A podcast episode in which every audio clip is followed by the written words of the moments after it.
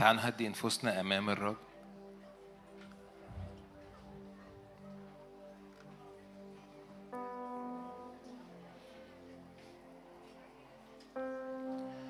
جوايا قوي إنه في فترة التسبيح اللي جاية نكون بنتحرك بطريقة عملية في اللي دكتور نادر كان بيشارك بيه في الوعظة اللي فاتت إنه ننظر إلى الأعالي ننظر إلى الأمور الأبدية ننظر إلى الحقيقي. على عكس كل حاجة متشافة. كم حد عارف إنه اللي إحنا فيه ده دلوقتي ده مش حقيقي؟ الأرض اللي إحنا عليها دي مش حقيقية. اللي إحنا شايفاه عينينا ده مش حقيقي لما يتقارن بالحقيقة الروحية. لأن العالم المادي اتخلق من العالم الروحي. إحنا عارفين كده. صح؟ روح الرب كان يرف فوق المياه. قال ليكن نور فكان إيه؟ فالنور كان حقيقي عند الرب قبل ما يبقى حقيقي على الأرض. فجوايا ببساطة إنه تعالوا ننظر نرفع عينينا إلى الأعالي إلى ما هو حقيقي.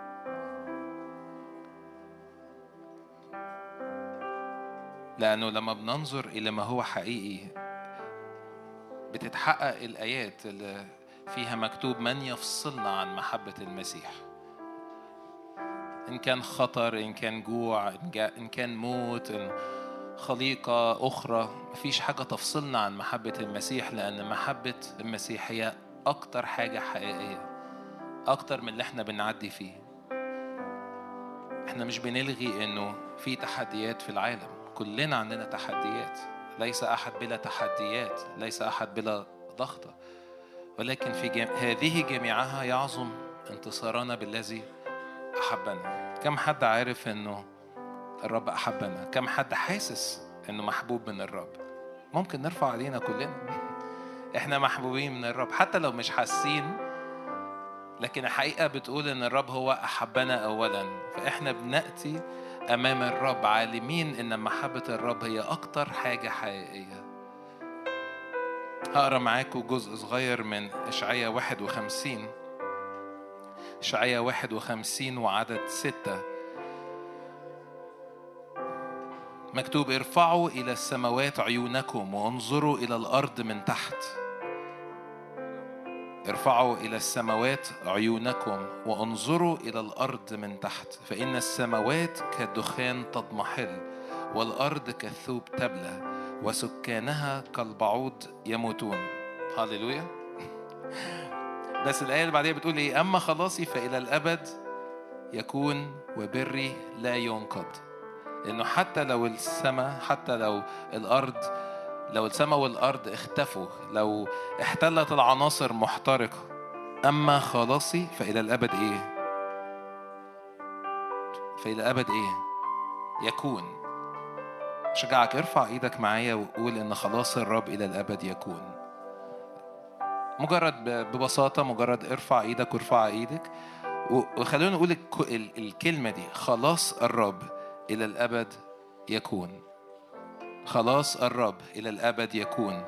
بر الرب لا ينقض. بر الرب لا ينقض. لأن دي أكتر حاجة حقيقية إحنا بنعيش النهاردة علشانها. فأشجعكم تعالوا نغمض عينينا لحظة ومجرد خلي الحقيقة دي تملى عينيك. لأن ننظر إلى الأمور الأبدية ننظر إلى الأمور التي لا ترى لأن دي الأمور الحقيقية لأن دي الأمور الأبدية التي ترى فهي وقتية.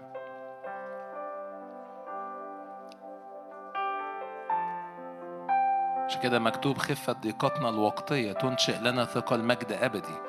مقابل كل حاجة أرضية إحنا شايفينها فيها تحدي فيها تقل فيها حزن فيها ألم فيها وجع في تقل مجد أبدي لأنه ننظر إلى الأمور الأبدية. وأي امتياز إن يكون خلاص الرب أبدي أن يكون بر الرب أبدي أن يكون نعمة الرب إلى الأبد إن إحنا بنعيش الأبدية وينفع نعيشها من دلوقتي. فأشجعك وأشجعك. تعالوا نقف مع بعض في بداية الوقت وإحنا بنعبد ونسبح الرب لأنه هنعلي اسمه جدا في هذا المكان. نصدق أن الرب هو فوق الجميع هو أعلى من الكل. إحنا بنعلن وبنصدق إنه ده إلهنا اللي إحنا جايين نسجد ليه. إلهنا اللي جايين نعبده هو حقيقي جدا هو حقيقي أكتر من الأرض اللي إحنا عليها. أكتر من الموسيقى اللي إحنا سامعينها أكتر من إحساسنا بجسدنا أكتر من مشاكلنا أكتر من تحدياتنا. الرب حقيقي جدا. فاشجعك حط إيدك على قلبك أو على بطنك ومجرد اعلن كده إن الروح الذي فيا حقيقي أكتر بكثير حتى من جسدي حتى من مرضي حتى من وجعي حتى من آلامي حتى من كل مشاكل ذهنية حتى من كل خوف وقلق. إعلن إن الرب الصالح وإلى الأبد إلى الأبد إلى الأبد رحمته. هاليلويا هاليلويا انظروا إلى الأرض من تحت. انظروا إلى السماوات كلها تبلى ولكن ولكن ولكن خلاص الرب إلى الأبد يكون. بر الرب لا ينقض. هاليلويا اسمعوا لي عارفي البر. الشعب الذي شريعتي في قلبه. لا تخافوا لا تخافوا. شجعك ارفع إيدك كمان مرة واعلن إنه لا خوف في المحبة لأن المحبة الكاملة تطرد كل خوف خارجا. نعلن إن الرب الصالح وإلى الأبد رحمته. خد اللحظات دي وصلي معايا بالروح. جوع وإعطش جوع وإعطش جوع وإعطش لأجل هذا الحضور لأجل هذه الحقيقة. املى عينيك بهذا المشهد املي عينيك بهذا المشهد. كتير قوي بصلي الصلوة ديت بقول له يا رب افتح عينيا فأرى. افتح وداني فأسمع. افتح قلبي فاعرف استقبل محبة من عندك. أشجعك لو حابب تصلي الصلوة دي في بداية الوقت مجرد قول له افتح عيني فأراك. فأرى مجدك أرى نعمتك أرى ما أنت صانعه أرى الأمور الأبدية التي لا ترى. قل له افتح افتح أذاني فأسمع صوتك. يقول هذه طريق أسلك فيها. افتح قلبي فاستقبل كل محبة وكل نعمة وكل صلاح. هاليلويا هاليلويا هاليلويا. عشان كده مكتوب؟ ما لم ترى عين ما لم تسمع أذن ما لم يخطر على بال إنسان ما أعده الرب ليك وليا هاليلويا. هديك اللحظات دي مجرد غمض عينك معايا. والموسيقى شغالة. انظر إلى هذا المشهد انظر إلى يسوع.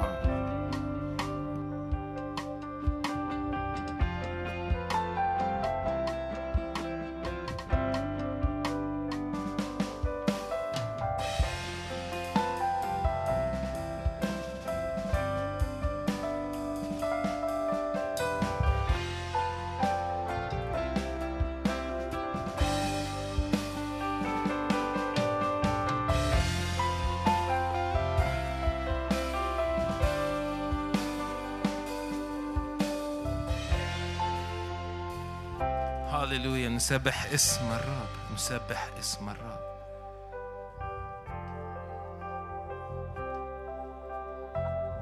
نعم تعطش نفسي لك كما تشتاق الإيل إلى جداول المياه.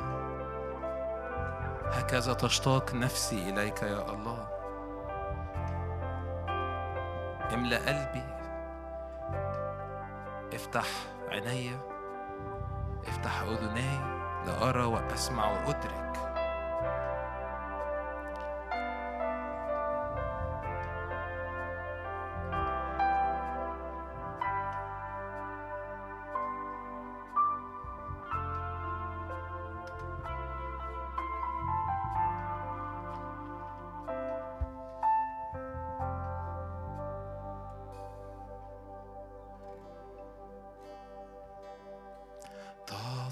أرشو نفسي لك فلتغمرني بروحك ولتملأني بمجدك. يا يسوع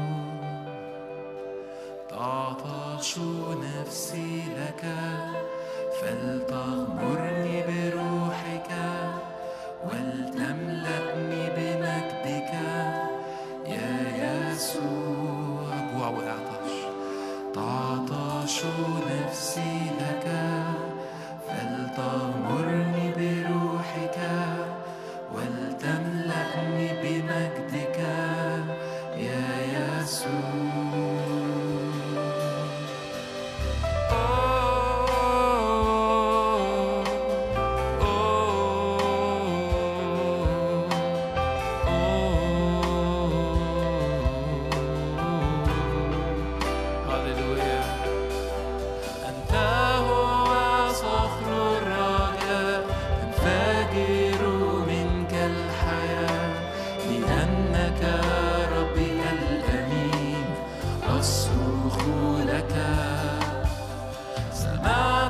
صوتي من الأعلى وتستجيب من السماء أنهار مياه من عرشك تسكب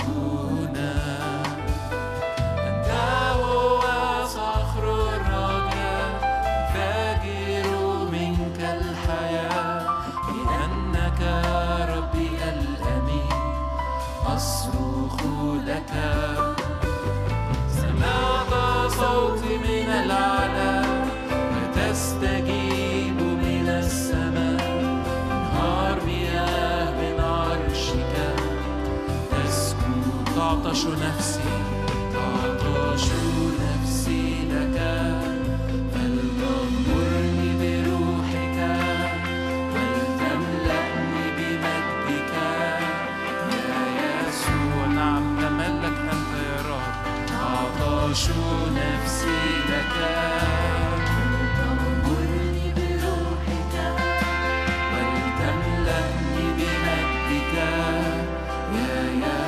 شجعك ارفع إيدك معايا الموسيقى شغالة واعطش كمان مرة للرب وقول له أحبك إلهي وسيدي. من مثلك يا إلهنا ما أعظم جودك. قد زخرت لأجلنا يا رب. نعم بالجوع ونعطش بالجوع ونعطش لأجل كل نعمة صالحة كل موهبة تامة الرب يسكب الرب يسكب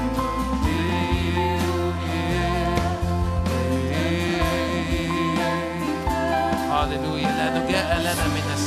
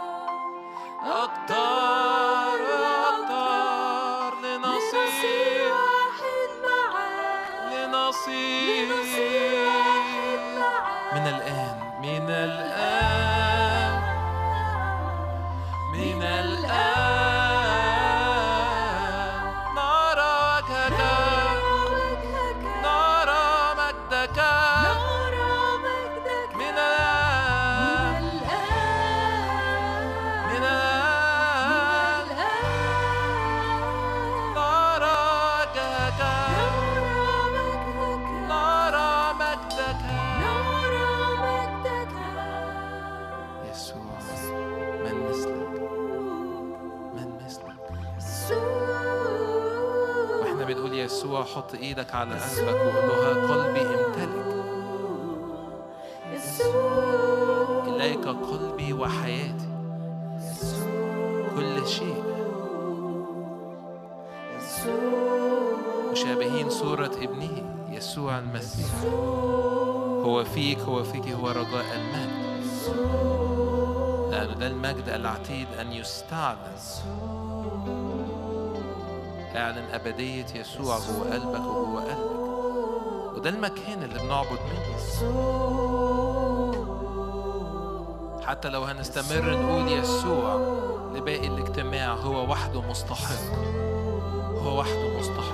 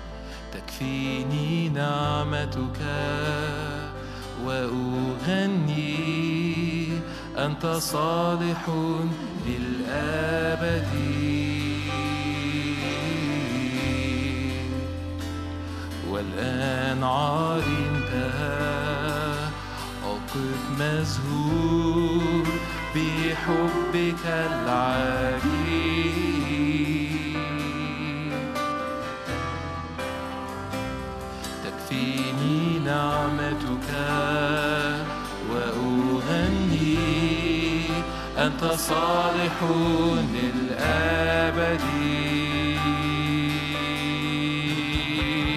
مستحق اسمك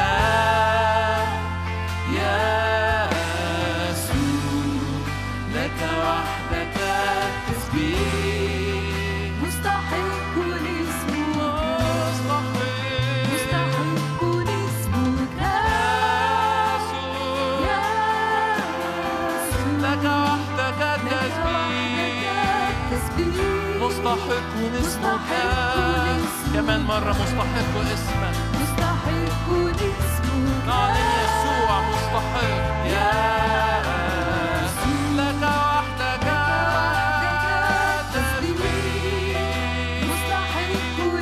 مرتفع فوق السماوات. مرتفع فوق السماوات. مجدك.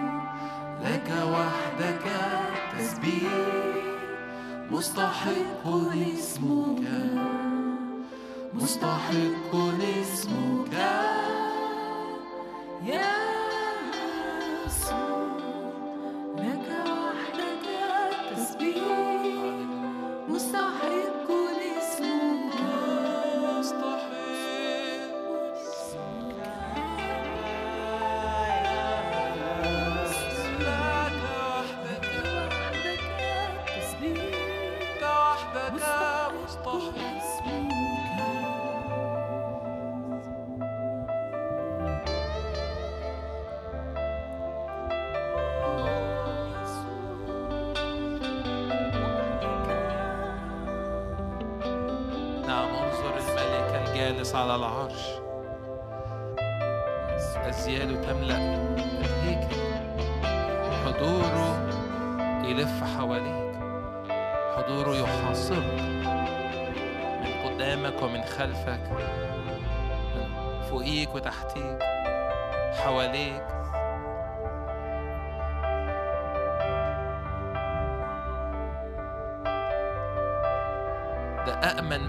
ينفع تكون موجود فيه في هذا الزمن. زي فلك نوح لما كان وسط المياه الكثيرة. الفلك كله كان متغطي عشان المية ما تدخلهوش. أؤمن إن في حضور حوالينا.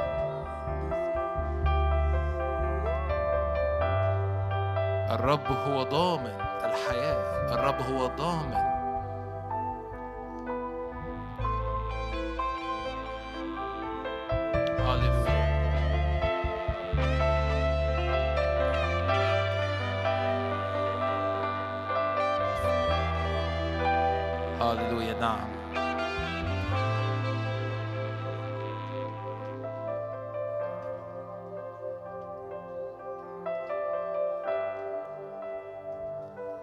التلاميذ لما قالوا ليسوع إلى من نذهب والحياة الأبدية هي عندك. أؤمن إن الحياة الأبدية هي فعالة فيك وفعالة فيك فعالة فيا. وإحنا بنتحرك في هذه الأبدية بنعبد من هذه الأبدية نؤمن من هذه الأبدية.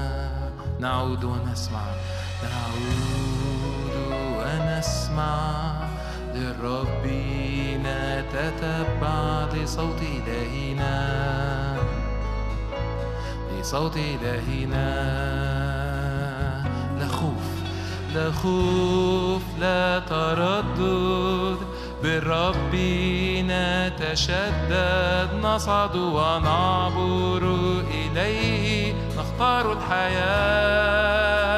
لا خوف لا خوف لا تردد. بالرب نتشدد. نصعد ونعبر إليه نختار الحياة. إلى من نذهب؟ إلى من نذهب؟ إلى يسوع رب الحياة. وحده ليس غيره. نعلن مالكنا إلى من نذهب إلى يسوع رب الحياة. وحده ليس غيره. نعلن مالكنا. نعلن كمان مرة نعود ونسمع. نعود.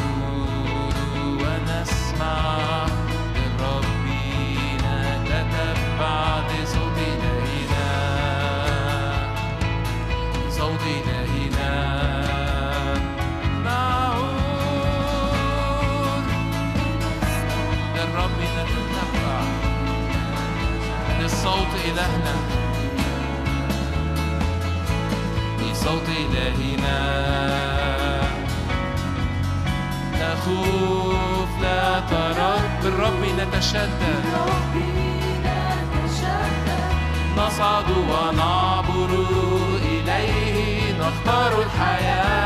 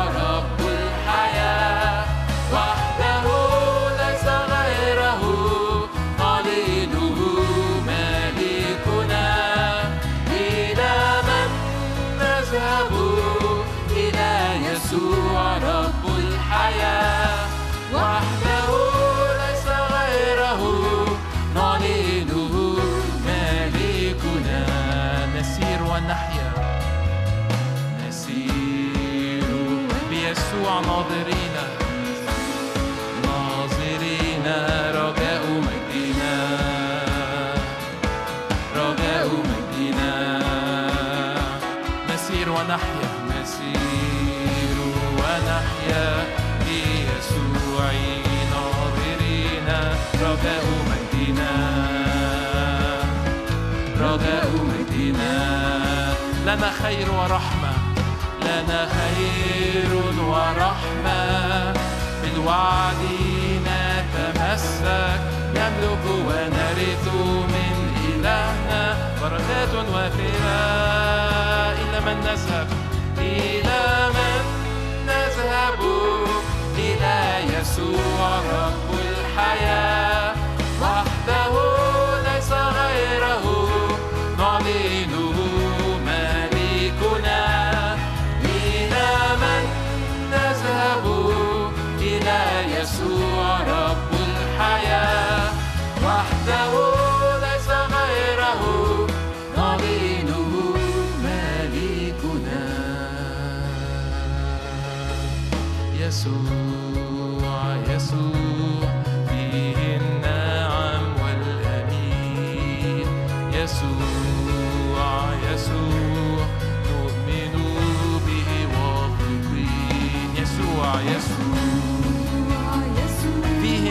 والأمين يسوع. نؤمن به واثقين نعلن كمان مرة يسوع يسوع.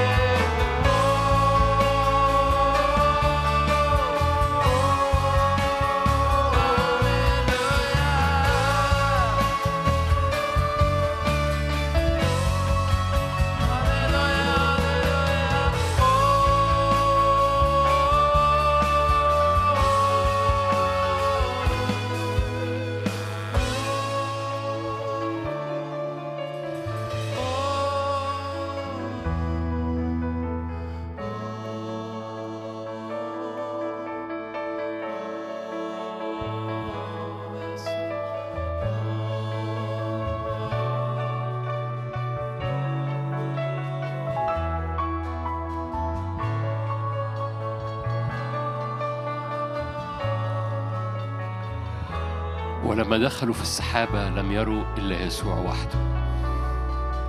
كان صوت من السماء يقول هذا هو ابني الحبيب. دخل يا رب هذه الليلة في سحابة حضورك سحابة مجدك. املى هياكلنا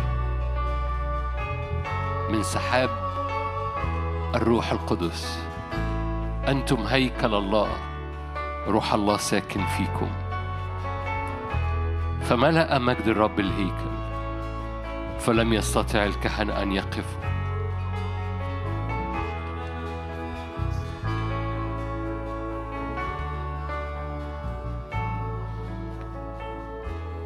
الروح دايما يمجد يسوع. لما دخلوا في السحابة لم يروا إلا يسوع.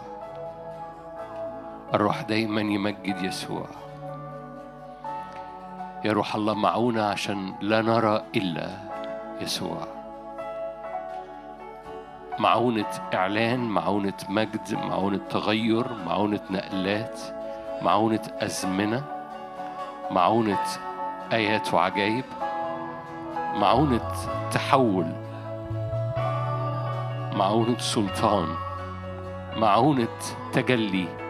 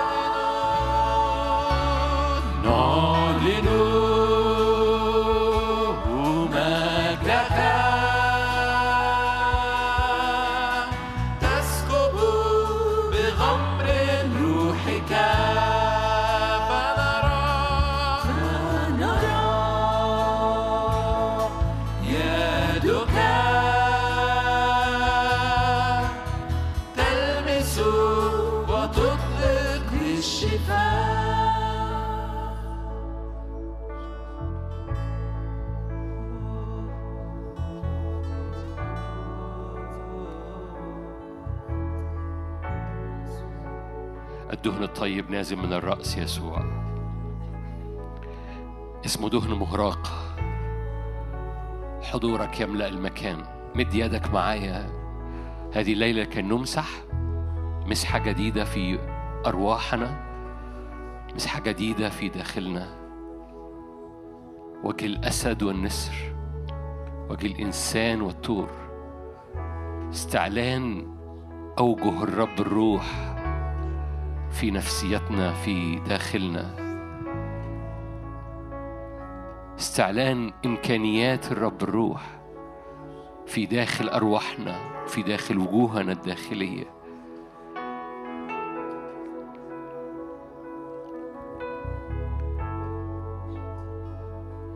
امبارح اتكلمنا عن أربع رياح. يا روح الله تعالى فجر فينا. استعلان وجه الرب وجه الأسد والنسر وجه الابن وجه التور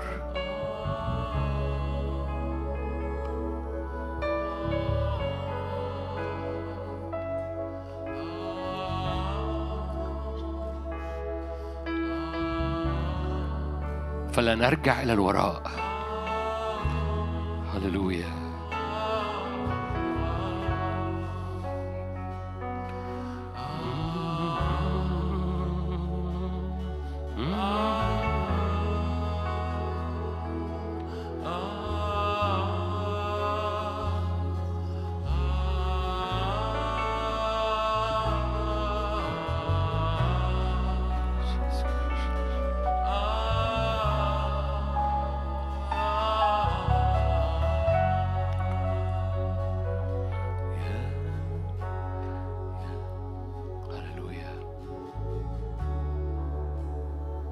هذا إلا بيت الرب. حقا الرب في هذا المكان. قال يعقوب أنا لم أكن أعلم. حقا الرب في هذا المكان. في اسم الرب يسوع.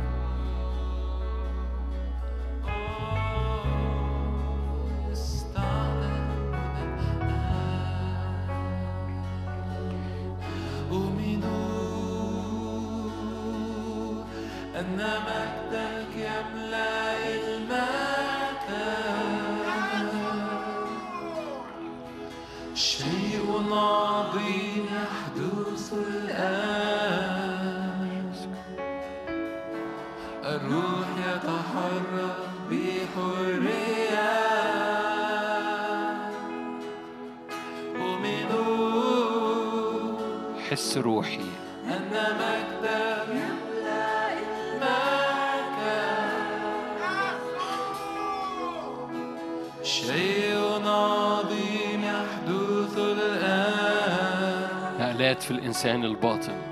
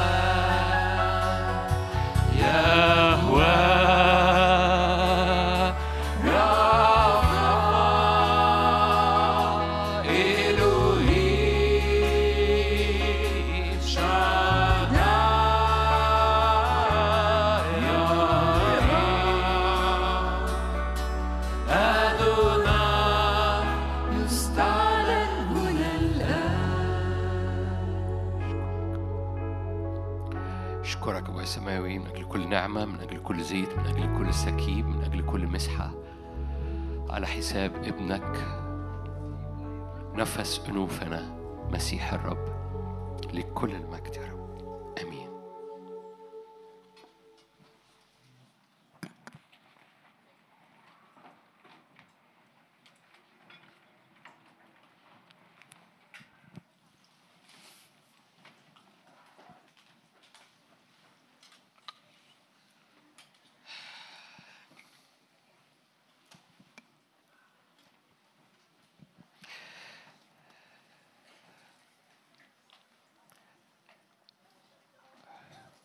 مشاركة قصيرة ونصلي مع المسافرين النهاردة.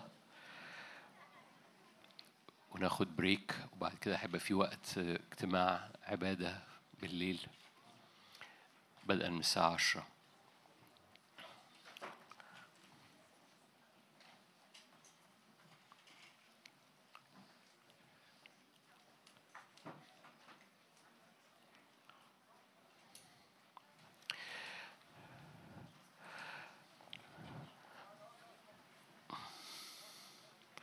تعليق صغير ملوش دعوة بالمشاركة بس جالي من من فترة يعني الحقيقة بس أنا بنسى أقوله وكل مرة أتذكر إن أنا أقوله للمسبحين بنسى أقوله. وبعد كده قلت أقوله بقى النهارده لكل الناس عشان كلكم يعني أم، كلمة يرأى آه، لا تعني آه، اللي إحنا بنقولها. يرأى دي بتحمل في العبري بتحمل معنى آخر. لو إحنا عايزين الاسم يهوه يرى الذي يرى ويرى في أرضك ويرى أرضك هي يرئي مش يرأى okay فنطقها يرئي مش يرأى okay يرأى دي حاجة تانية بالمناسبة مهاب. فكلمة يرأى المفتوحة يعني الفوق دي يعني مهاب. يرئي هو اللي هي التعبير اللي إحنا بنقوله إن هو يرى في الأرض ويرى أرض. أوكي فده كل مرة ببقى عايز أتذكر أقولها للمسبحين وب- وبنسى بعد كده ف فالمسبحين سمعوا دلوقتي مش كده؟ يرئي وإخواتي اللي بعتوا لي والعيلة الكريمة باسم يسوع كل محبتنا من مصر. هلو. سفر الخروج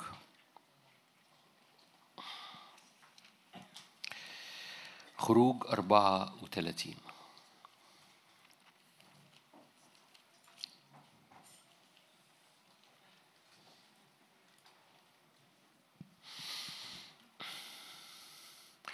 زي ما اتفقنا مشاركة بسيطة هو أنا الصوت في حاجة ولا أنا صوتي ولا ال... أنتوا مش سامعين؟ هنا مش سامعين وأنا سامع واحد تاني بيتكلم عندي وهنا مش سامعين يا إيه؟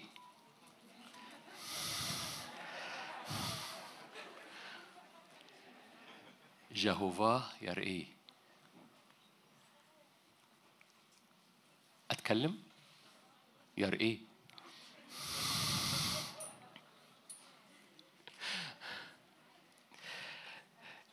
سامعين ولا لسه برضو سمعتوا؟ حصل فرق؟ ما حصلش فرق. بس سامعين. أمال مين اللي قال مش سامعين؟ فوق. okay يا حبيبي. okay خلاص.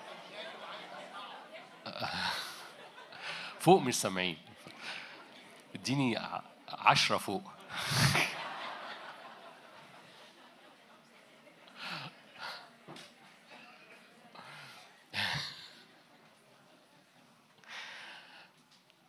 وصل فوق ولا وصل؟ وصل فوق. إيه الحلاوة دي يعني يا رأي فعلا؟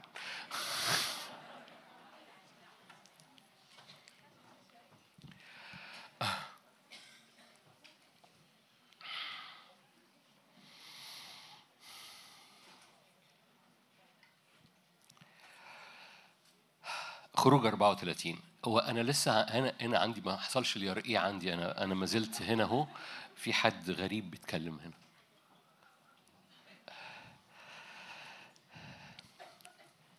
أوكي نكمل بالإيمان. قال الرب لموسى آية 27 لسه فوق مش شغال ولا شغال اشتغل؟ اشتغل؟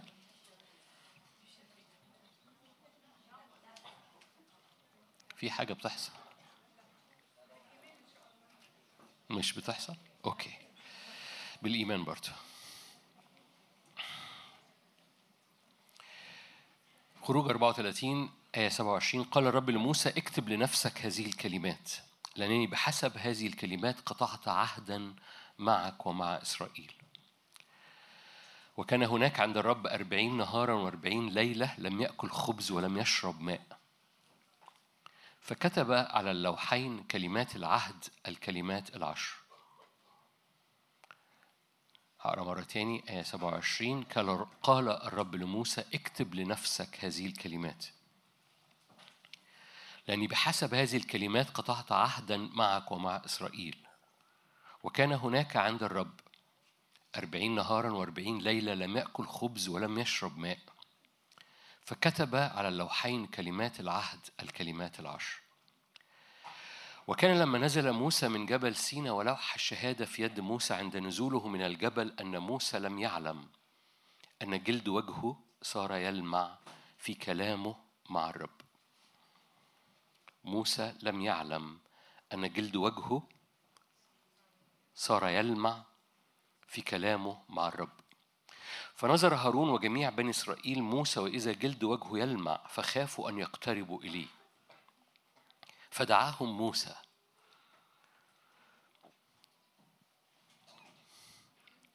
فرجع إليه هارون وجميع الرؤساء في الجماعة فكلمهم موسى. بعد ذلك اقترب جميع بني إسرائيل فأوصاهم بكل ما تكلم به الرب معه في جبل سيناء. ولما فرغ موسى من الكلام معهم جعل على وجهه برقع وكان موسى عند دخوله أمام الرب ليتكلم معه ينزع البرقع حتى يخرج ثم يخرج ويكلم بني إسرائيل بما يوصى. فإذ رأى فإذا رأى بنو إسرائيل وجه موسى أن جلده يلمع كان موسى يرد البرقع على وجهه حتى يدخل يتكلم معه. آمين. زي ما اتفقنا مشاركة بسيطة أم، عنوان هذه الأيام تجلي الأبناء. لو يسوع تجلى في لوقا تسعة فده كثيرا مننا هيقول ده يسوع ودي حقيقة. لكن ما حدث مع موسى ده مش يسوع ده موسى. ومش بس ده موسى ده دي خدمة العهد القديم. وبحسب رسالة كورنثوس خدمة الموت أو خدمة الدينونة. وبولس الرسول في كورنثوس يقول إن كانت خدمة الدينونة في مجد لدرجة إن وجه موسى جلد وجهه صار يلمع. فكان بالحري خدمة الروح في مجد أعظم. كانت خدمة الموت في مجد فكان بالحري خدمة العهد الجديد في مجد أعظم. لو حصل حاجة جوه موسى فوق الجبل خلت جلد وجهه يلمع. ده تجلي لله في موسى. تجلي الأبناء بيأتي بسبب وقوفهم في الابن يسوع أمام الآب. هذا الديناميكية بقى لي فترة عمال بحكي مع حضراتكم فيها. وجودك في الابن بالطبيعة بيحطك قدام الآب وبيحطك قدام حركة الروح القدس. كل مرة بتقف قدام الرب في بيتك أو في خدمتك أو في اجتماعك أنت بتقف في الابن. ما تقدرش تقف قدام الرب إلا في الابن. لو أنت واقف مش في الابن لأن الابن هو الباب هو الطريق هو الحياة هو المكان الوحيد اللي تقدر تقف فيه قدام الآب بجد. والآب ما بيبقاش آب إلا لو ليه ابن والابن ما بيبقاش ابن إلا لو واقف قدام الآب. ملناش مكان نقف فيه إلا في الابن يسوع. في الابن بنصير أبناء. حضرتك بتصيري ابنة وأنا بصير ابن. عشان كده هويتنا في المسيح. تعبير في المسيح مش تعبير تأملي رمزي مجازي وعظي. تعبير في المسيح دي الهوية بتاعتنا. حضرتك في المسيح مسيحي. ولأن حضرتك في المسيح بتستخبى بتزك مش مش بس بتستخبى أنت دي هويتك. أنت بتحتاج إنك تذكر نفسك في بعض الأحيان لأن كما تشعر في نفسك هكذا أنت. لو بتتقدم قدام الرب كابن هكذا أنت كابن قدام الآب. لو بتقدم قدام الرب وأنت شاعر إن في حاجات وفي مش عارف إيه وفي وأنا والخطيتي وضعفي وتاريخي وولادي وعيالي قبل ما تعمل أي حاجة من الحاجات دي اقف في مكانك الحقيقي علشان صلواتك تأتي بنتيجة علشان ما تبقاش بتضارب الهوى وقوفك في اللوكيشن أو في المكان الصح قدام الآب بيحطك في المكان اللي فيه استقبال الاستجابة. كثيرين بيقولوا الصلاة ما بتجيبش نتيجة. بس لما تحكي معاهم أو تصلي معاهم أو تسمعهم هم بيصلوا تكتشف ليه الصلاة ما بتجيبش نتيجة معاهم. مش لأن الصلاة ما بتجيبش نتيجة لكن لأن هم في حتة تاني بيصلوا. رب بمراحم ياما استجاب عليهم برضو لأن الرب مش ناموسي. لكن القصة لو أنت تريد فعلا حركة السماء على أرضك يجب أنك تقف فعلا في المكان قدام حقيقي قدام الرب ووقوفك في الابن بيحطك بالطبيعة قدام الآب وبالطبيعة قدام حركة الروح القدس. بقول هذا التعبير كتير وبعضكم بينساه أو يمكن سمعتوه أو معظمكم سمعني. لما لما بتقف تحت الدش أنت بتقف تحت المية عشان المية تغطيك. لو وقفت لو فتحت الدش وقفت بره ما تقولش أنا ليه مب... ليه مش مبلول. أنا آسف في التعبير بس أنا بحاول أوصل لك صورة. لما بتقف في مكانك صح في الابن ده المكان الصح هو تحت أمطار الآب وسكيب الروح القدس على حياتك. فوقوفك في المكان الصح بيضمن النتيجة لأن وقوفك في الابن بيضعك دايما قدام الآب ودايما قدام حركة الروح القدس. إن كانت خدمة موسى خدمة الموت أو خدمة الدينونة قد تمت في مجد حتى جلد وجه موسى صار يلمع. هذا التعبير تعبير بيقول لنا حاجة لأنه القصة مش جلد موسى. وهنحكي عن ديناميكية القصة دي بعد شوية بعد دقايق. القصة إن حصل جوه موسى تغير. حصل جوه موسى تغير. التغير ده ما كانش يعني سطحي ما كانش إن مجرد بقى الله بقى بينور. القصة مش كده. القصة إن حصل تغير في طبيعة موسى. حصل تغير في طبيعة موسى. ولو في حاجة أحد المسميات اللي هذكرها النهاردة هو هو أو يعني أحد الحاجات اللي أنا بعمل لها تارجت النهاردة أو بستهدفها النهاردة هو تغير طبيعة الأبناء. علشان يتجلوا أيام اسم هذه الأيام تجلي الأبناء. وبالتالي تغير طبيعة الأبناء في الزمن اللي جاي مهم جدا. أبناء الله ظاهرون أو أبناء الله بيلمعوا أو أبناء الله بي بي بيضيئوا كالكواكب يضيئون في الأزمنة الأخيرة بصورة خاصة في سفر دانيال صح 12 وبالتالي إعلان إن أبناء الله يضيئون في الأزمنة الأخيرة أو يلمعوا أو يتجلوا. ده مش تعبير غريب أو تعبير عجيب ده مقاصد إلهية ونبوة كتابية إن كانت في دانيال أو في رسالة يوحنا الأولى. عشان كده بنتكلم عليها في الزمن اللي إحنا فيه ده. فتغير الطبيعة حاجة كتابية وتغير الطبيعة الكنيسة الأولى حكت عليه كتير فهستعمل جملتين ثلاثة وإن كانوا برغم إنها في الكنيسة الأولى لكن ما زالوا بيخضوا لغاية دلوقتي فأنا حتى ههرب من حبة تعبيرات الكنيسة الأولى كانت بتقولها. علشان ما تتخضوش حضراتكم في القرن الواحد وعشرين. برغم إن الكنيسة الأولى في أوائل المسيحية كان ده الطبيعي بتاعها. فتغير الطبيعة تغير طبيعتك تغير الطبيعة. ده اللي حصل مع موسى وإن كان خدمة العهد القديم اللي كان فيها موسى خدمة الدينونة خدمة الموت قد تمت في مجد غيرت طبيعة موسى. تقول لي موسى اتغير طبيعته؟ أقول لك اتغيرت طبيعته مؤكد. موسى على مستوى الروح على مستوى النفس على مستوى الجسد اتغيرت طبيعته. على مستوى الروح على مستوى النفس على مستوى الجسد موسى تغيرت طبيعته. في العهد الجديد هرجع لموسى بس في العهد الجديد آية كلكم حافظينها لأنها من محفوظات هذه الخدمة. في تسالونيكي الأولى خمسة إله السلام نفسه يقدسكم. سقطت في الامتحان. إله السلام نفسه يقدسكم إلى التمام ويحفظ روحكم ونفسكم وجسدكم كاملة بلا لوم إلى يوم مجيء ربنا يسوع المسيح. دي من المحفوظات. فإله السلام نفسه شخصيا يقدسك إلى التمام. فكر. إله السلام نفسه يقدسك إلى التمام.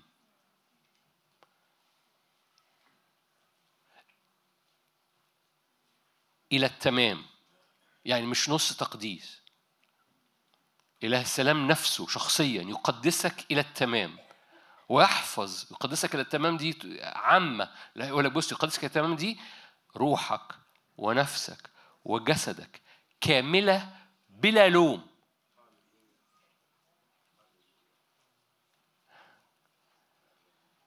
ما أعرفش لو ده مش تغير للطبيعة مش عارف يبقى إيه تغير الطبيعة. اله السلام شخصيا نفسه يقدسك إلى التمام. ده كتاب مقدس ده مش خادم بيقول.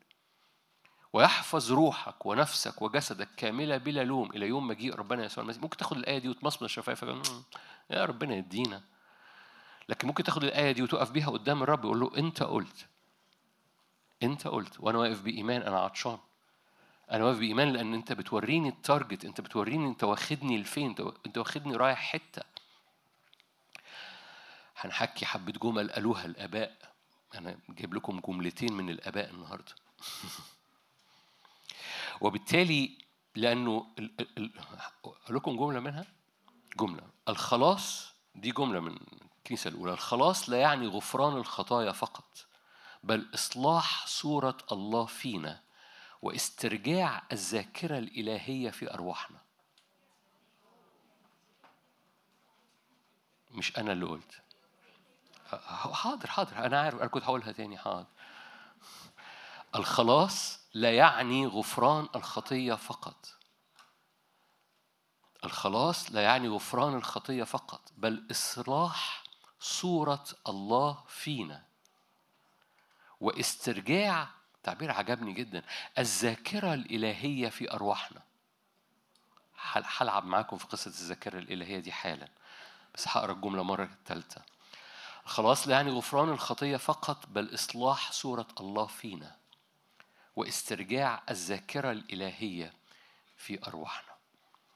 نرجع مرة تاني. اللي حصل جوه موسى حصل تغير حقيقي. موسى اتغير بجد.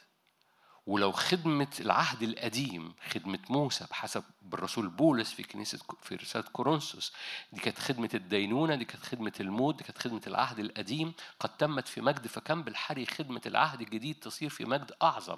إذا ما حدث مع موسى من تغير في الطبيعة. حضرتك وحضرتك مدعوة لو وقفنا في المكان الصح قدام الرب هو مجد أعظم مما حدث جوه موسى. موسى حصل حاجة جوه روحه. موسى متربي تربية فرعون. موسى متربي تربية سحر أسود. موسى متربي في قصر فرعون اللي فيه مش صحراء نص كم من تحت الكوبري ده فيه الصحراء الأساتذة.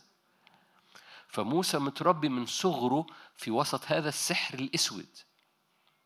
مش بس كده موسى متربي على على قوة الفرعنة عشان كده لما حب يخلص أصحابه أم قتل المصري فهو عنيف هو غضوب هو متربي على على على على قوة النفس ومتربي على قوة الجسد فهو على مستوى الروح على مستوى النفس على مستوى الجسد كان أستاذ في الأرض.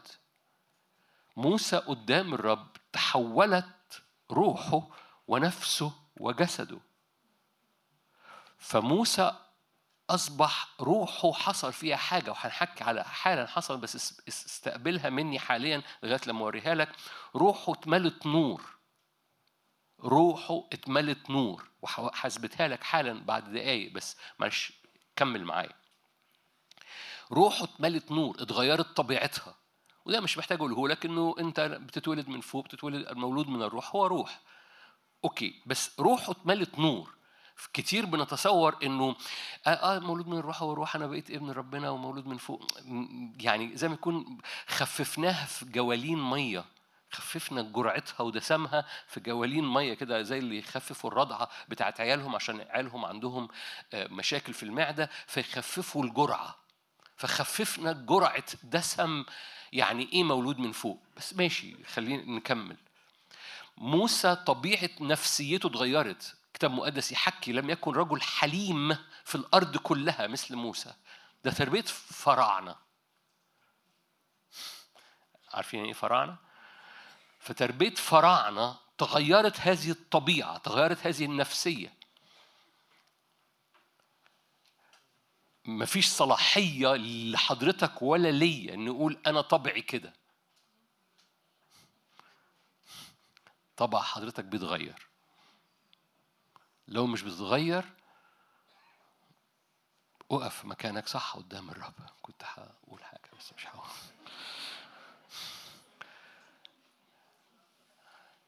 فموسى طبعه اتغير. صار أكثر رجل حليم في الأرض وهو متربي في بيت فرعون. فروحه تغيرت. خلي بالك أنا بتكلم على تغير الطبيعة. طبيعة روحه اتغيرت طبيعة نفسيته اتغيرت وجسده اتغير. لم تذهب عنه نضارته لم تكل عينيه لم تذهب عنه نضارته. فحتى جلد وجهه sorry قبل جلد وجهه sorry يعني ما كرمش. نضارة وجهه لم تتغير ما كرمش. معظمكم سمعني بعلق كده زمان زمان زمان. كنت بخدم اجتماعات سيدات. كنت في مؤتمر سيد زمان. ده يعني لما عيالكم ما كانوش اتولدوا يعني. كان مش مش بعيد الأول الدرجات دي يعني. 86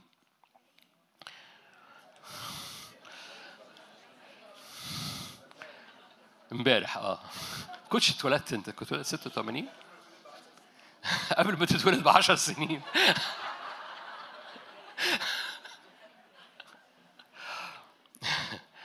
كان مؤتمر سيدات وكنت بعلق على اللي أنا بقوله دلوقتي ف كلكم سمعتوا القصة دي قصة من القصص المشهورة المحفوظ المخطوطات يعني. ف... لأن هذه السيدة كانت لذيذة جدا كانت ست متقدمة في الأيام كده وجت قالت لي بعد الاجتماع قالت لي يعني لو أنا قعدت قدام ربنا مش هكرمش؟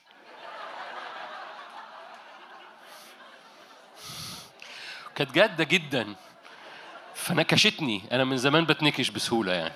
ف... ف... لي يعني أنا قعدت قدام ربنا مش هكرر؟ قلت لها آه.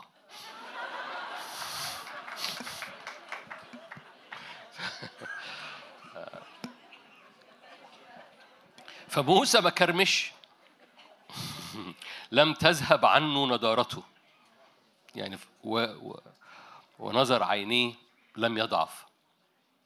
فحتى الجسد تغير تغيرت الطبيعة وأنا بذكرك أنا بضحك معاك لكن أنا بذكرك بولس قال لنا إن هذا النوع من الخدمة ده كان خدمة في مجد أقل من اللي أنت معروض تقف فيه.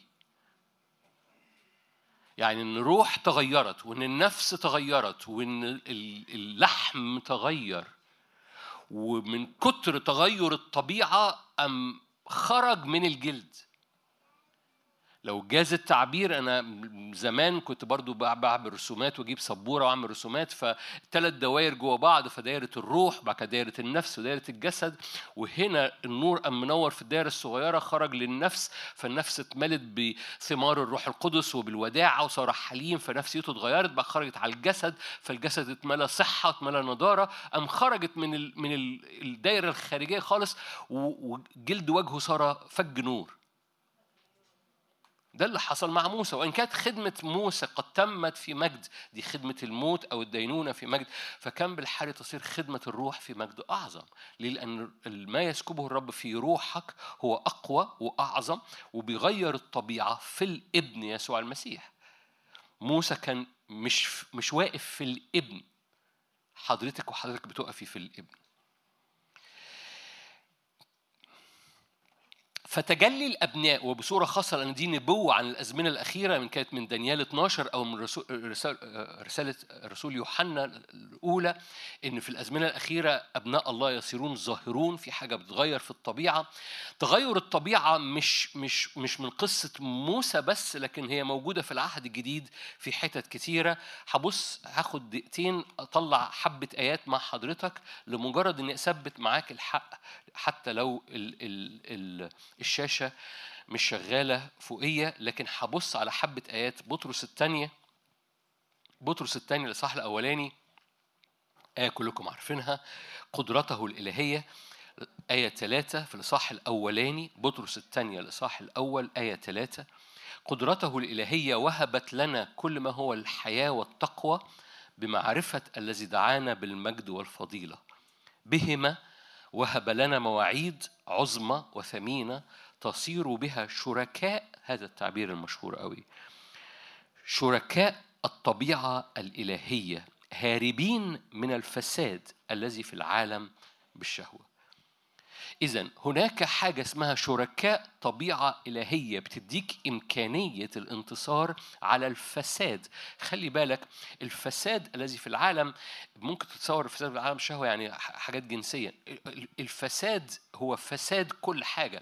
فساد الطبيعة الإلهية ال- ال- فساد طبيعة أرواحنا مش طبيعة الإلهية.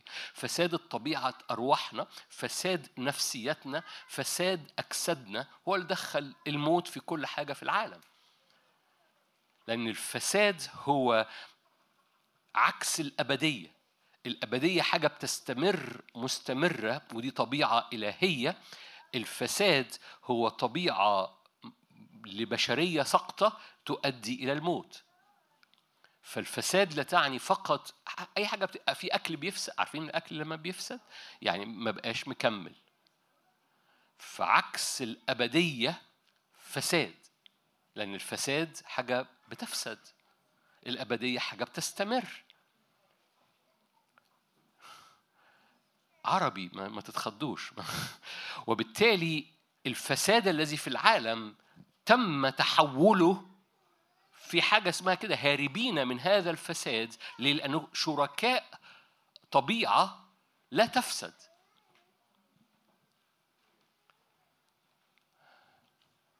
أنتوا وقفتوا في أول آية. ما توقفوش معايا. وبالتالي الحق الكتابي الحق الكتابي بيقول عن حاجة اسمها تغير الطبيعة. الكنيسة الأولى ومش ح... مش عايزك تتحشر في التعبير بس هقوله. علشان ليه ما نقولوش لما كانت الكنيسة الأولى بتقوله؟ ما تقولش نادر قاله لأن مش نادر اللي قاله الكنيسة الأولى هي اللي قالته. كان بتقول تستخدم هذا التعبير اسمه التأله. ده تعبير كنسي.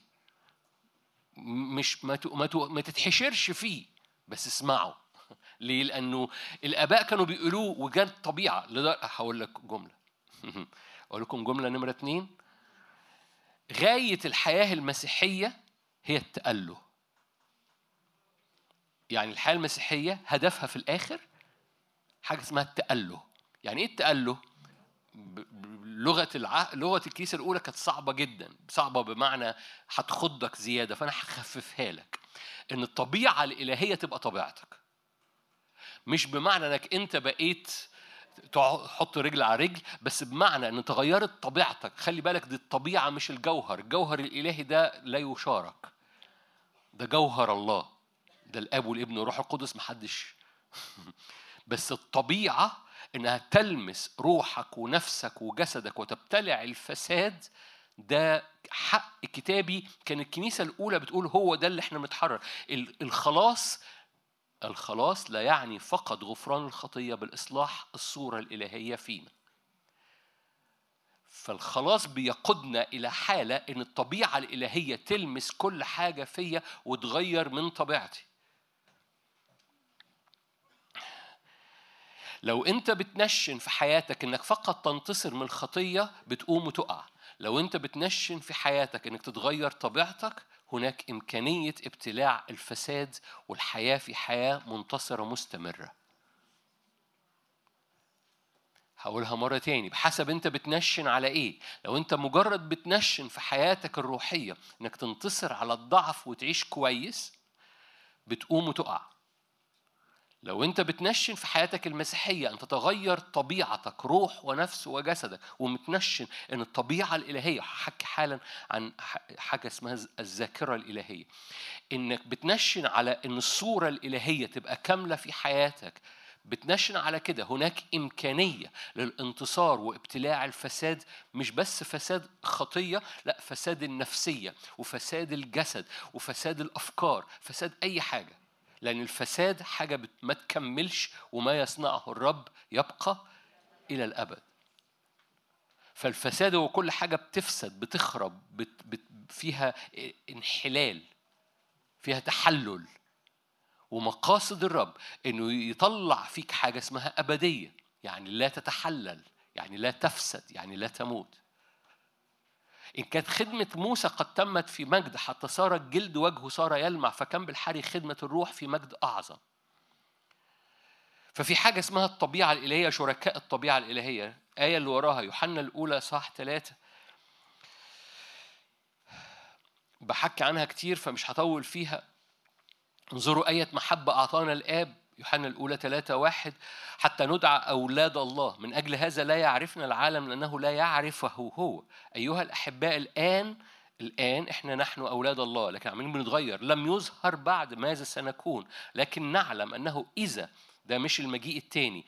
إذا أظهر فينا إذا لمع فينا إذا تجلى قدام عينينا إذا طلعنا وراء الجبل طلعنا وراه على الجبل وتواجدنا وقعدنا قعدنا قدام يسوع اللي بيتجلى الأبناء بيتجلوا.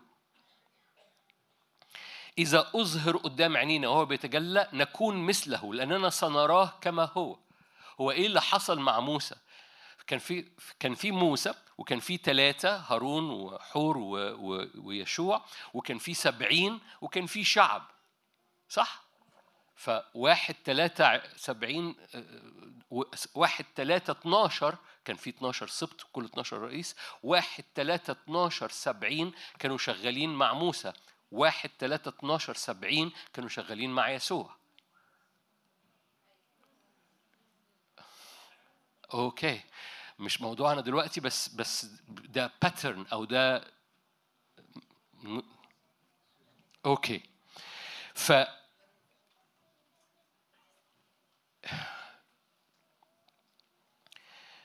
موسى هو الوحيد اللي كان قاعد قدام هذا التجلي. عشان كده إذا أظهر نصير مثله. فموسى هو الوحيد اللي صار منور.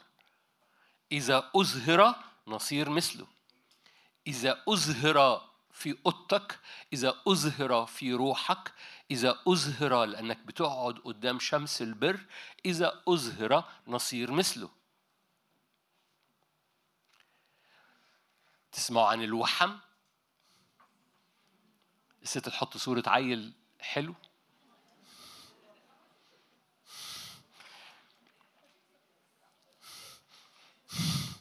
في ناس مبسوطة أوي.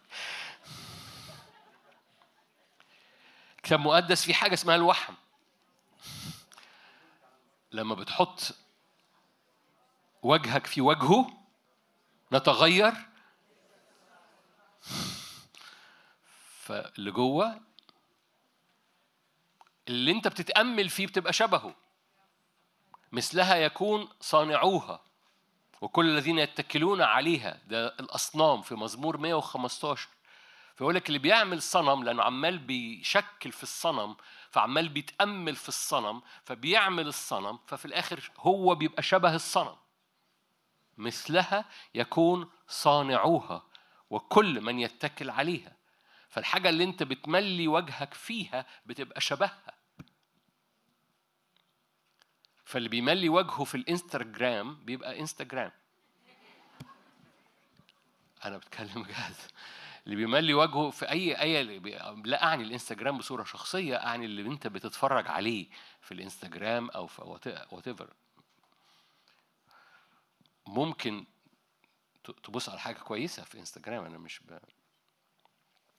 المهم فرجوعا مرة تاني. فاللي أنت بتبص ليه وتتامل فيه بتصير مثله. إذا اظهر نكون مثله.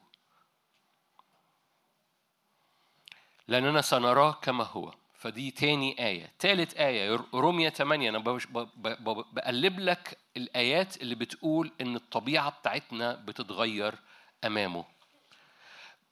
أنا ليه بجمعهم مع بعض؟ علشان بس تستوعب. طبيعتي تتغير في الحضور الإلهي. ده إيمان ده ثقة ده دخول ده إدراك إن ده الهدف الحياة المسيحية مش إن أعيش كويس بس أتحسن شوية عيالي تبقوا حلوين. no no no no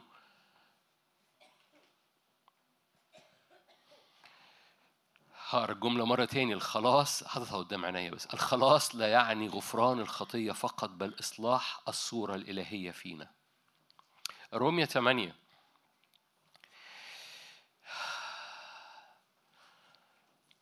آية 29 الذين سبق فعرفهم سبق فعينهم ليكونوا مشابهين صورة ابنه ليكون هو بكرا بين إخوة كثيرين.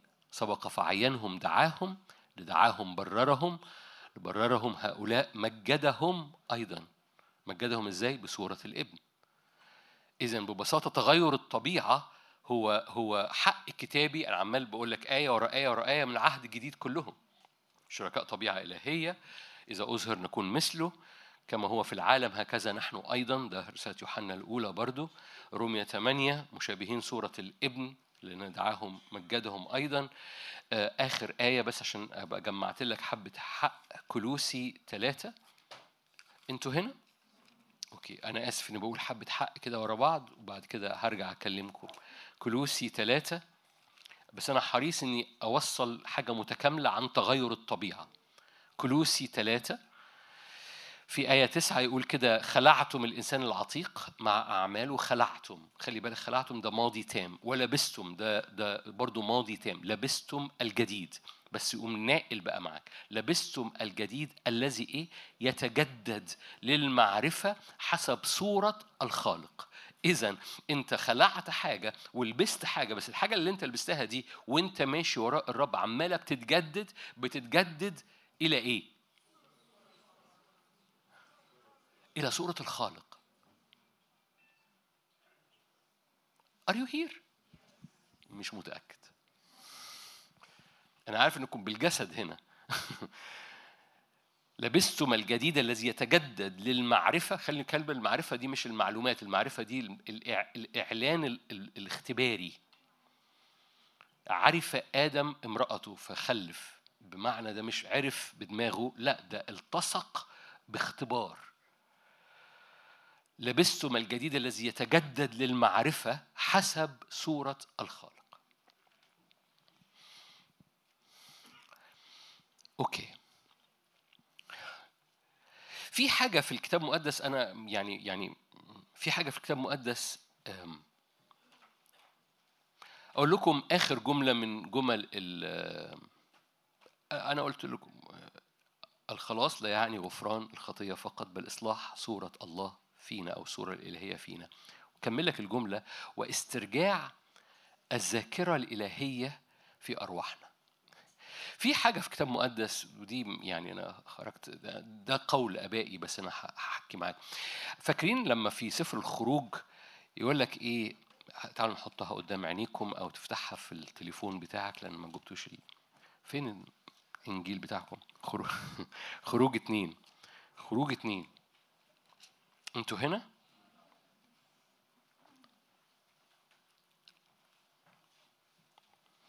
يقول لك بلاش نفتحها مش مش لازم.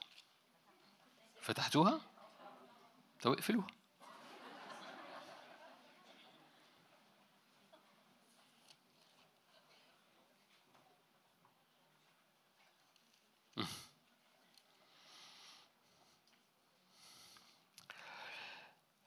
في آية في سفر الخروج أنا بدور عليها دلوقتي. عشان كده بقول لكم اقفلوها. يقول لك إن الرب ذكر عهده مع الشعب. 24 آه.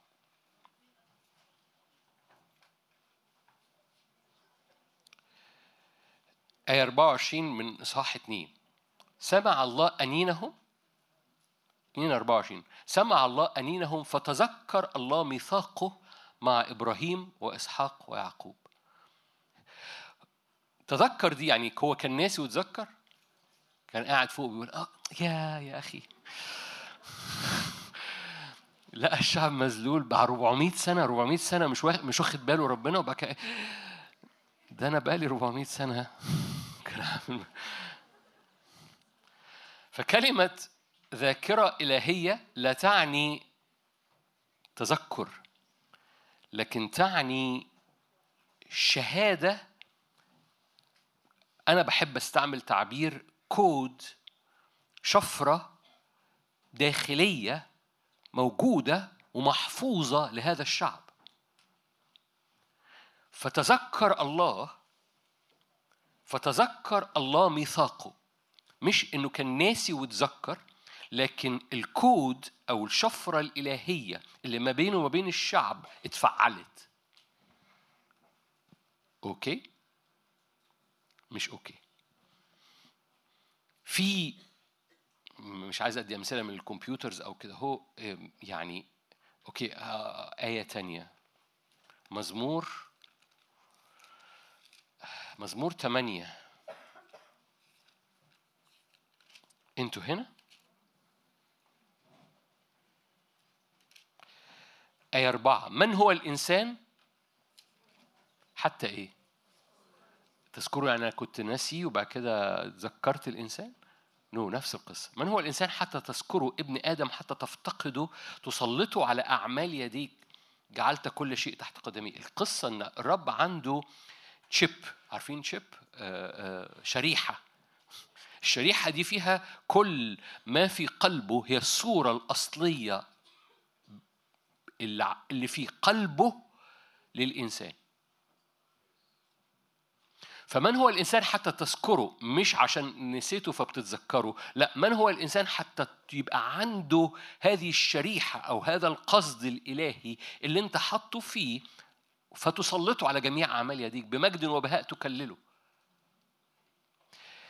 في في صورة إلهية آه، أقول لك جملة من جمل اللي كانت الكنيسة بتقول بتقولها. المسيح تجسد الذاكرة الإلهية للإنسان. يعني المسيح كان عبارة عن تجسده عبارة عن هذا الكود لله للإنسان المسيح كان بيجسده ليك. هو دي صورة الإنسان الحقيقي. عشان كده هو اسمه ابن الإنسان ابن الله. حد مسيحي هنا أخذ بشريتنا؟ أخذ بشريتنا؟ أخذ بشريتك؟ أخذ بشريتك عشان يحط فيها الكود الإلهي فيغير طبيعتك. فالمسيح هو تجسد الذاكرة مش الذاكرة كان ناسي الذاكرة يعني الشيب الإلهي مرة تاني جوه البشرية.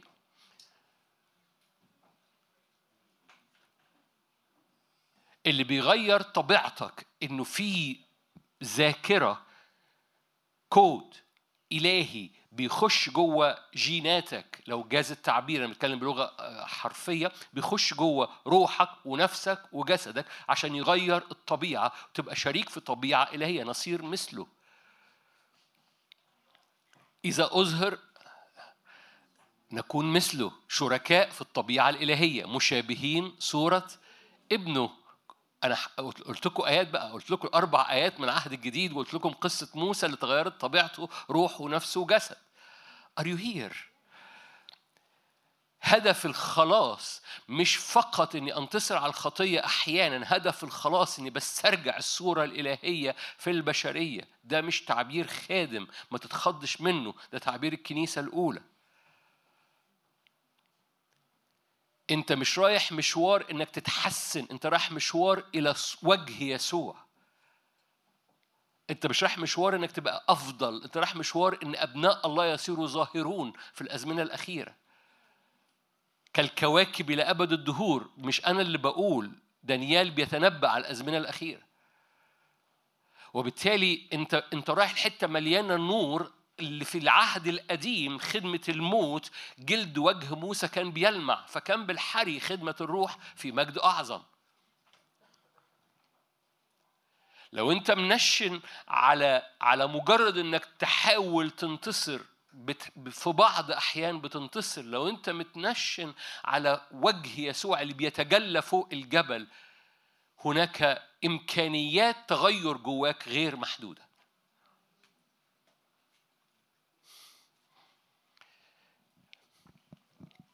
ففي مزمور 8 من هو الإنسان حتى تذكره؟ مش إنك كنت ناسيه وبتتذكره لا إنك بتحط جواه الذاكرة بتاعتك. مش الذاكرة يعني الذاكرة الإلهية يعني الشهادة الإلهية الكود الإلهي بتحط جوه الإنسان. يسوع هو التجسد بتاع هذه الذاكرة الإلهية والكود الإلهي جوه البشرية. التجسد بتاع يسوع. مزمور 139 أنتوا جمال جدا بس أنا مش هبص لكم. مزمور 139 مزمور 139 ده مثال رائع لهذا لهذا الشاهد. جلد وجهكم هيلمع آه فمش هبص لكم. آه.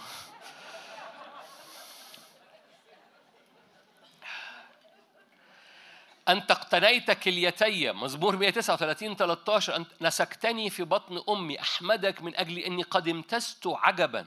عجيبة هي أعمالك. خلي بالك ده ده في بطن أمي. أنا امتزت عجبا في إيه؟ حالا هتكتشف. عجيبة هي أعمالك ده قبل ما اتولد أنت اقتنيت كليتي نسكتني في بطن أمي أحمدك من أجل إني قد امتزت عجبا. عجيبة هي أعمالك ونفسي تعرف ذلك يقينا. لم تختفي عنك عظامي حينما صنعت في الخفاء ورقمت في أعماق الأرض. رأت عيناك أعضائي وفي سفرك خلي بالك أنا لسه ما اتولدتش. كلها كتبت يوم تصورت إذ لم يكن واحد منها إيه اللي اتكتب في سفري قبل ما اتولد. دي الذاكرة الإلهية الصورة الإلهية عني. ده الشيب ده ال ده ال ده الكود الإلهي اللي باسمك. اللي فيه الصورة الإلهية اللي في قلبه هو أو الذاكرة الإلهية عن الرب عنده ذاكرة إلهية عنك قبل ما تتولد. إحنا اتولدنا بالخطايا فاتولدنا أغبياء.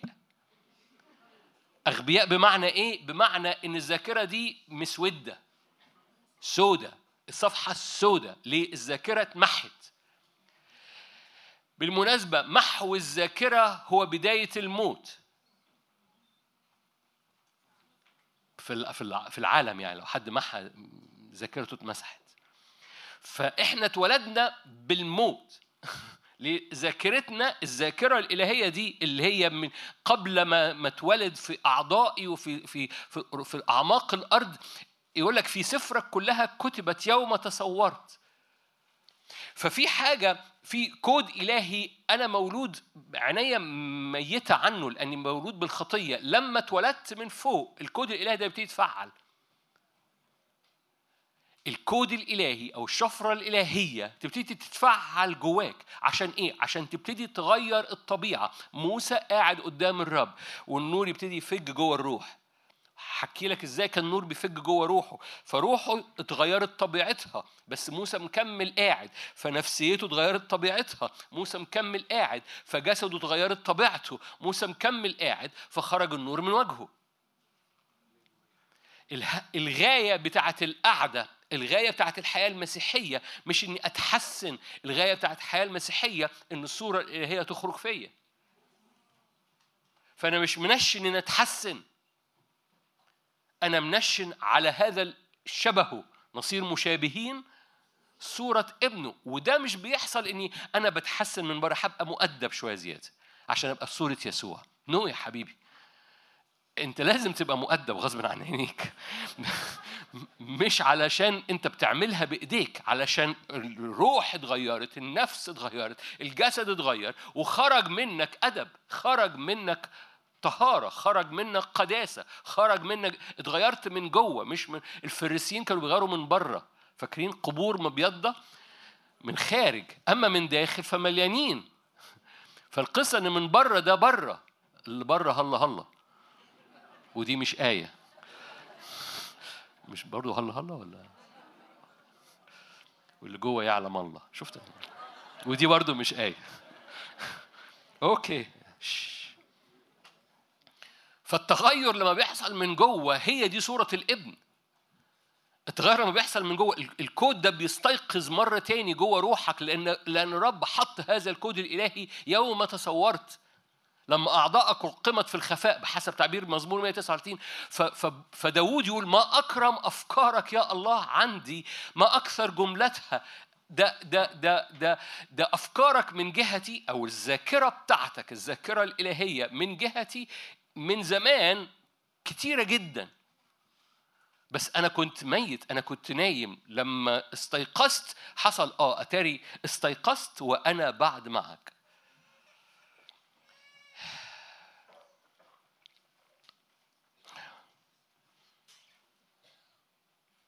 أوكي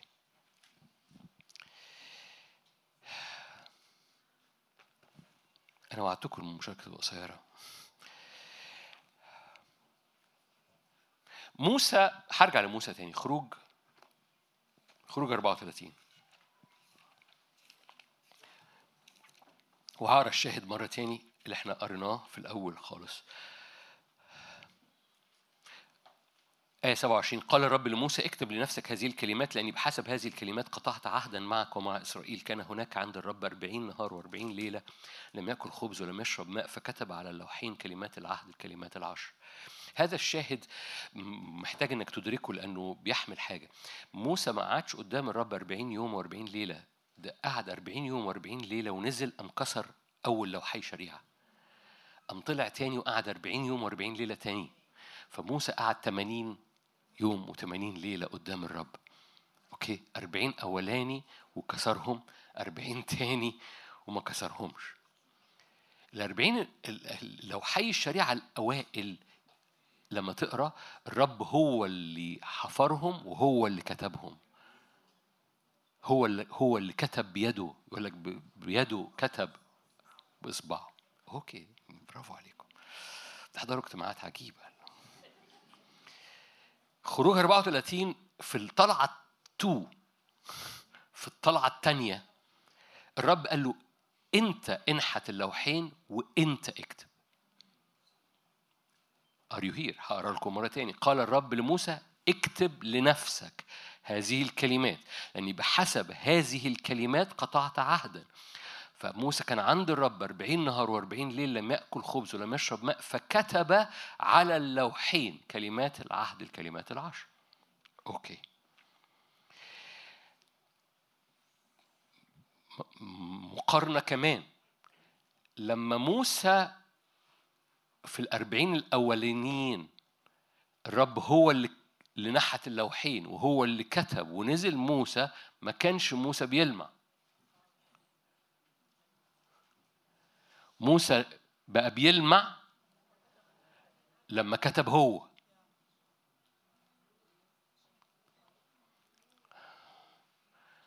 يا رب. أوكي. خطوات عملية. خطوات تغير الطبيعة. حلو العنوان ده. خطوات تغير الطبيعة. لأنه هنا اللي كنت بقوله لك إن روح موسى نورت. إيه اللي. ده ده ده إدراكي الصغير إنه إنه جوه موسى القصة ما بقاش حاجة بيتفرج عليها القصة بقت جزء منه. لا تعرف العهد الجديد لو لو حي الشريعة بقوا قلبك. لو حي قلبك. فالرب بيكتب في لوحي قلبك أضع شريعتي في قلوبهم. فالعهد القديم كانوا لو حي الشريعة النهاردة بقى حضرتك تابوت العهد المتحرك. الحضور الإلهي بقى جواك حضرتك بقيت الهيكل وتابوت العهد بقى جواك ولو حي الشريعة بقت قلبك. في ناس بتبص لي كأن أول مرة تسمع الكلام ده. ده ده حضرتك. ده حضرتك. أوكي. فحصل تغير في طبيعة روح موسى وحكي حبة تشريح لتغير الطبيعة ونصلي مع بعض. أول خطوة في تغير الطبيعة هو اتحادك التام بالإيمان اتحاد تام بالإيمان مع الفداء. وأنا بتكلم بلغة شوية تعليمية مش بصورة نبوية أنا وقفت الحتة الروحية وبرجع الحته تعليمية روحية. روميا 6 روميا 6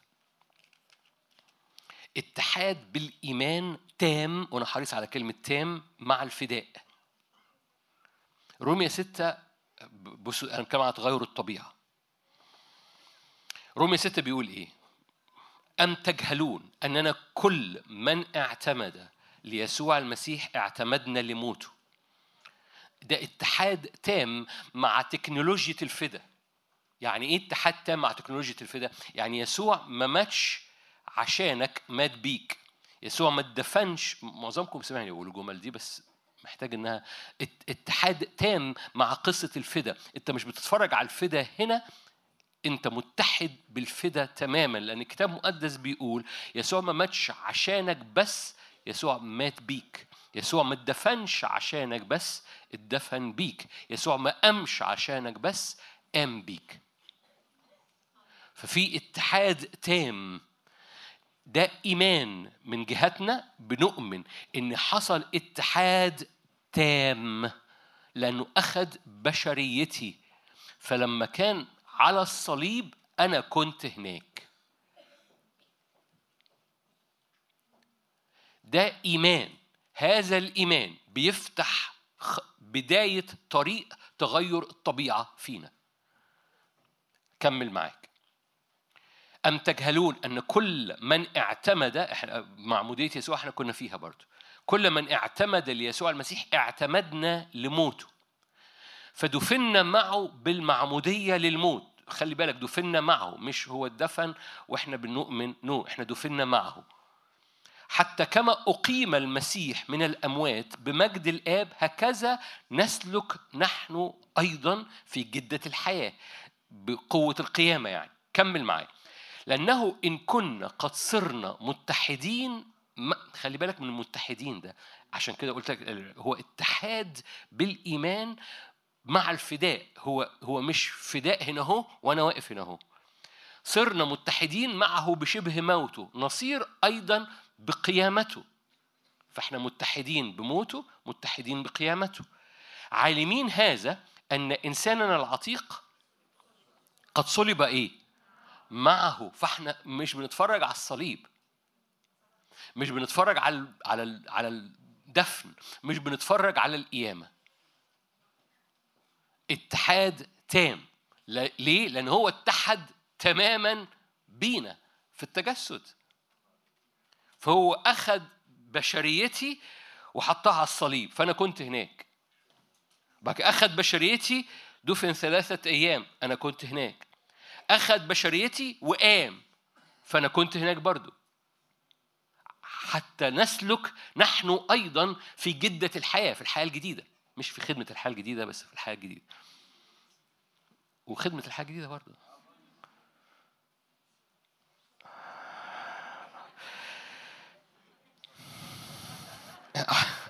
عالمين هذا أن إنساننا أوكي يا رب سامحهم.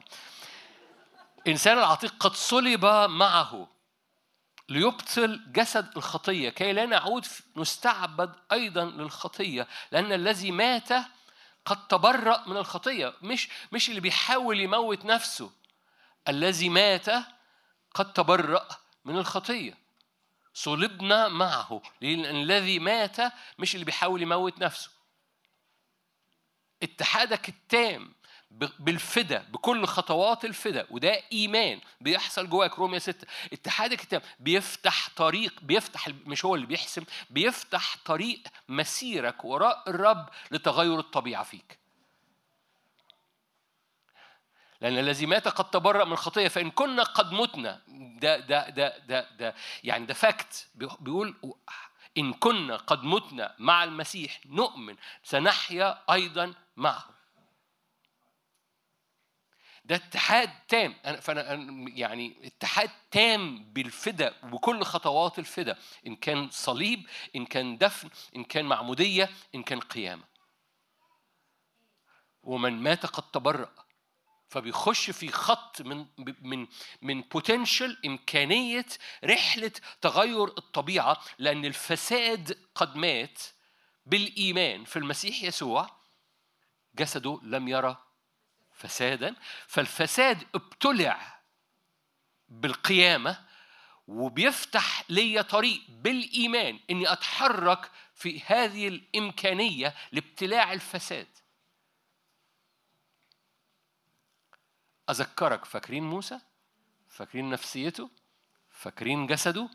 فاكرين جلد وجهه؟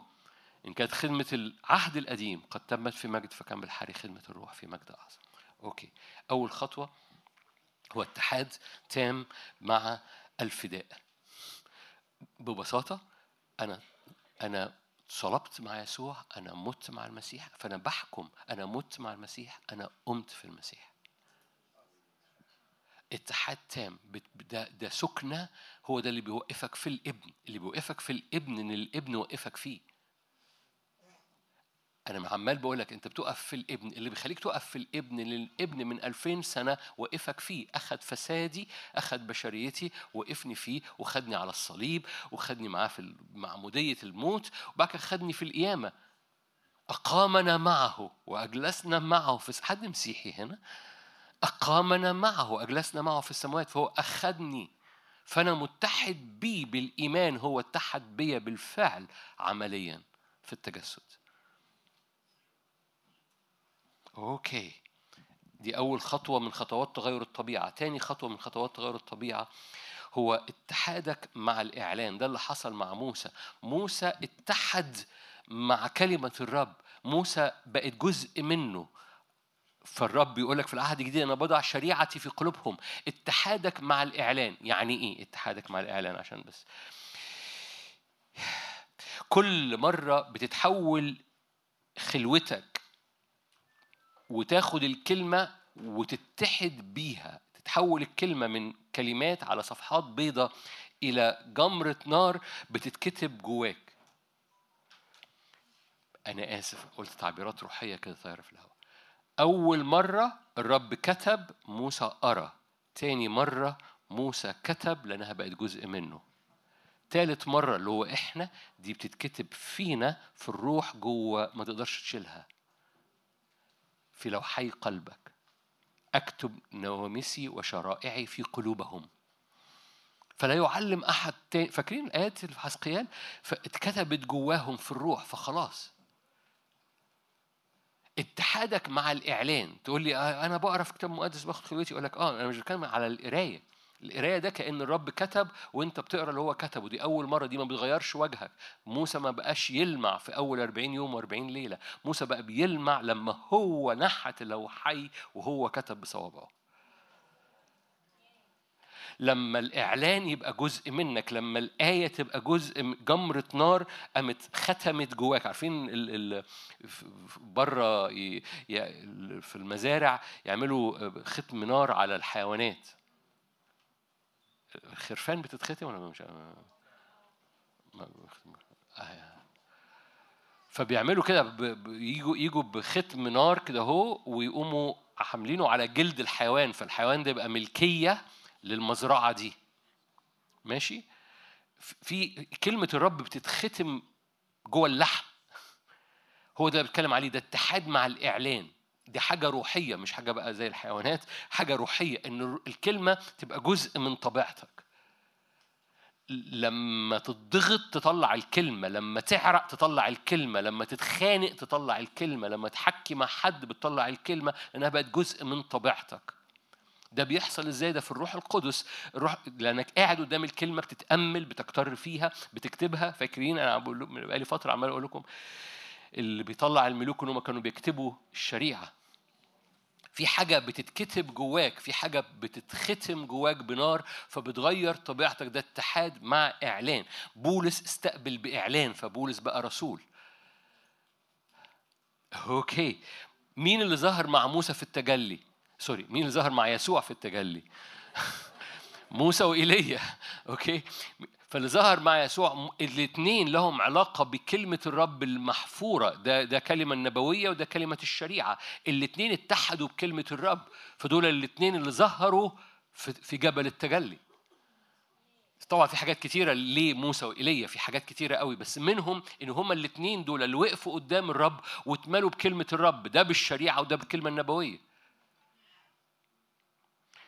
لأن الكلمة النبوية بقت إعلانية فيهم كانوا موجودين في التجلي. أوكي. وبالتالي إيه اللي يغير طبيعتي؟ إن الكلمة بتتحول من آيات إلى إعلان. إيه اللي بيخليها كده؟ قعدتي تأملي. إني باخد الكلمة وأحطها قدام عينيا. فاكرين قال له ضعها عصائب على عينيك وعلى أبواب بيتك؟ النهارده في العهد الجديد مش تعلق الآيات في كتاب في, في البيت. إنك إنك إن الآية بتملى المشهد بتاعك وأنت قاعد قدام الرب. فبتاخد الآية وبتكتر بيها بتصلي بيها وتصلي بروحك وتقوم حاططها قدام عينيك وتش- وتشوفها تحول الآية إلى إلى مشهد.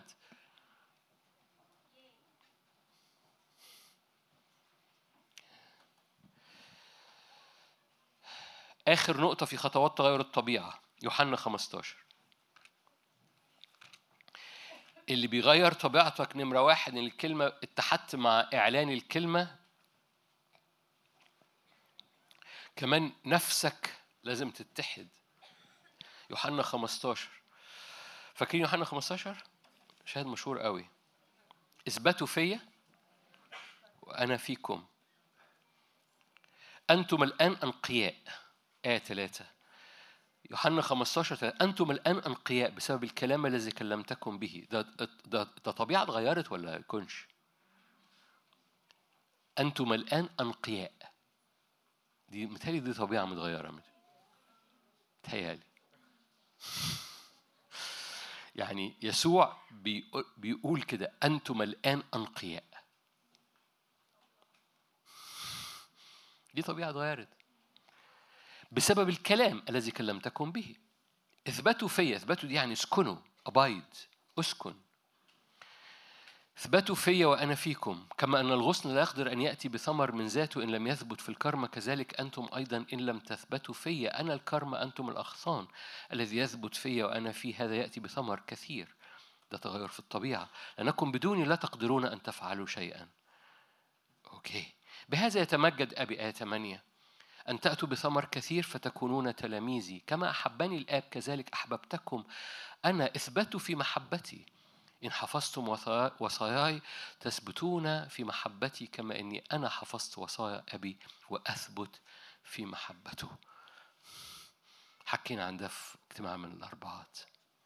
ال lifestyle بتاعت يسوع إنه كان متحد بالآب بيحب الآب وبيحفظ وصية الآب. قال أنا بحفظ وصية أبويا وبثبت في محبته. عشان كده وأنا في الأرض أنا كنت ثابت مع أبويا. أنتوا اعملوا كده معايا. ده مفتاح ثباتك. تقول لي إيه مفتاح تغير الطبيعة؟ نمره ثلاثة أقول لك إنك بتسكن في المحبة وإن نفسيتك بت... بت... بتسكن في, طاع... في طاعتها للكلمة. يعني إيه طاعتها للكلمة؟ ممكن تفكر بصورة ناموسية. يعني أسكن سكن نفسيتك متعلقة بيه. ألضم مش بس روحك ألضم نفسيتك ومشاعرك في طاعة للكلمة وفي حب للرب. طاعة الوصية الوصية الأولى إنك تحب الرب. وحب الرب إلهك من إيه؟ كل قلبك نفسك فكرك كل دي في المشاعر وج- وقدرتك. فروح ونفس وجسد. أتاري اللي بيغير روحي ونفسي وجسدي وبيغير الطبيعة دي إني باخد كل روحي وباخد كل نفسيتي وباخد كل جسدي وبتحرك فيهم وراء الرب. أنا بسكن اسكنوا فيا اثبتوا فيا وأنا فيكم. أنا بسكن في حبه وبسكن في طاعتي ليه بسكن إني ماشي وراه بسكن إني مثبت عيني عليه. هذه السكنة وهذا المسير بيغير طبيعتي. ثلاث حاجات بساط. ثلاث حاجات بساط. نمرة واحد بتحد تماما مع الفدا. نمرة اتنين بتحد مع الإعلان. نمرة ثلاثة بتحد مع المحبة والطاعة وراه. كل ده بيعمل إيه؟ بيغير طبيعتنا. موسى قعد أربعين بعد كده أربعين تانيين والأربعين التانيين اتحد مع الكلمة تماما فبقى بيلمع. مقاصد الرب إنه يغير طبيعتنا. ما تتحشرش في قصة ال- ال- السكنة الإلهية. هو سكنة. اسكنوا فيا وأنا فيكم. اثبتوا فيا. زمان كنت قلت لكم التعبير ده. زمان كنت أقرأ الآية دي لا أوكي أنا أحاول أثبت. لغاية لما كلكم عارفين المعنى حتى بالإنجليزي. المعنى مش اثبت بمجهودك المعنى أسكن زي ما الغصن بيسكن في الكرمة الغصن مش بيقعد "آه، أنا عايز أبقى في الكرمة الغصن موجود في الكرمة أسكن في الكرمة هو الكرمة إحنا أغصان. الأغصان مش بتبذل مجهود عشان تسكن في الكرمة الأغصان مجرد سكنة. سكنة في الكرمة فكل غصن ساكن فيا يأتي بثمر. كل غصن ساكن فيا يأتي بثمر أنت ساكن ولا مش ساكن؟ عشان كده بقول لك دايما وقف نفسك في الابن اسكن في الابن اعرف إن دي هويتك. دي مش فكرة لذيذة. لما بتسكن في الابن بيطلع ثمر لما بيسكن في الابن بتطلع طبيعة إلهية. فسكناك في الابن دي هوية. سكناك في الابن دي بتغير طبيعتك. أبناء الله هيلمعوا في الأزمنة الأخيرة. أبناء الله النور اللي جواهم أقوى من كل ما الضلمة عمالة بتزداد كل ما المجد عمال بيزداد. لما تزداد الخطية تزداد النعمة جدا لما يزداد الظلام يزداد المجد جدا. وكل ما الدنيا عمالة بتزداد ظلام حوالينا كل ما المجد يجب أن يزداد جواك. المجد بيزداد جواك من خلال الطبيعة الإلهية اللي بتخرج وجه الله من أسد ومن نسر ومن كل الطبيعة الإلهية بتخرج منك. هذه الأوجه الروحية بتخرج جوه روحك ليه؟ لأن إنسان الروح بيتغير شكله إلى تلك الصورة عينها دي.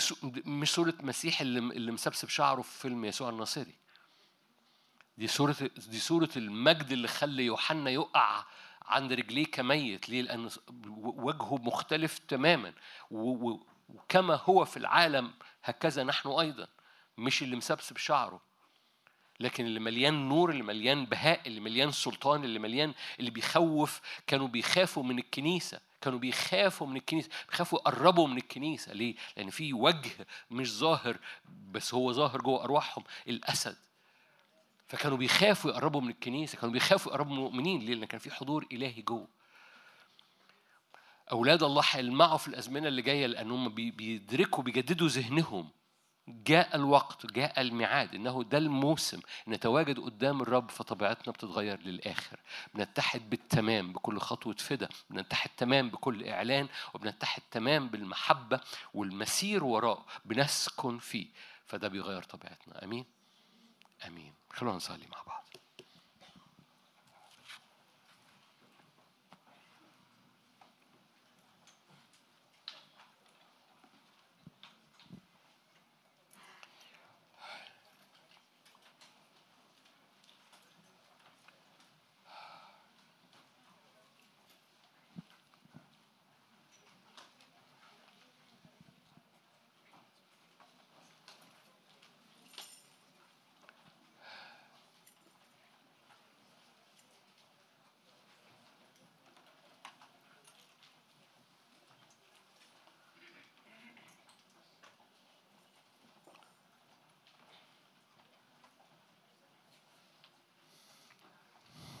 من يفصلنا الآن.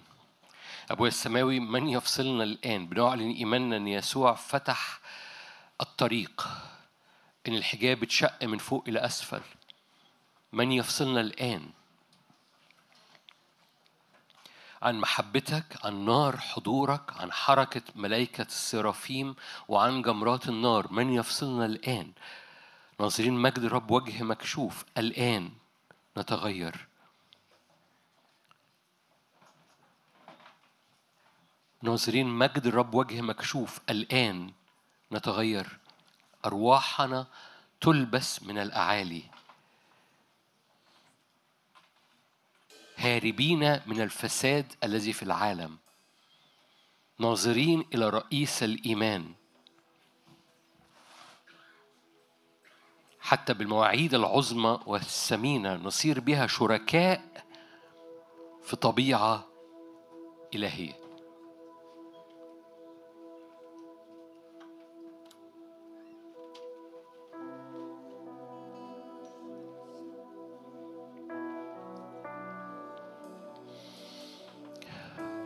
أبويا السماوي في هذه الليلة بنفتح أرواحنا من أجل أنك تضع أصابعك وتضع بصماتك وتقوم الكود الإلهي الذاكرة الإلهية جوانا. أذكرك بالتعبير اللي قاله الآباء المسيح هو تجسد الذاكرة الإلهية في الإنسان.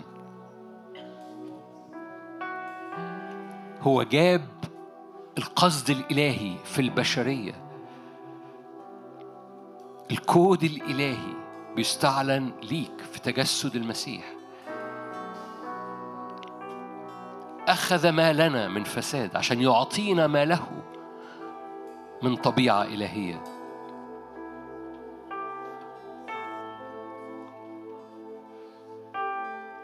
اتحد بينا عشان نتحد بيه. اتحد بينا في التجسد اتحد بينا في الصليب اتحد بينا في القيام عشان نتحد بيه في الصليب. صلبنا معه.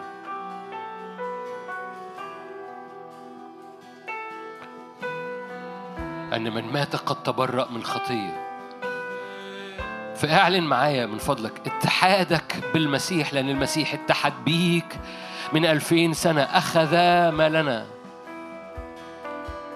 اعلن معايا بالإيمان اتحادك بالمسيح اتحادك بالمسيح لأن اتحادك بالابن بيخليك ابن وابنة.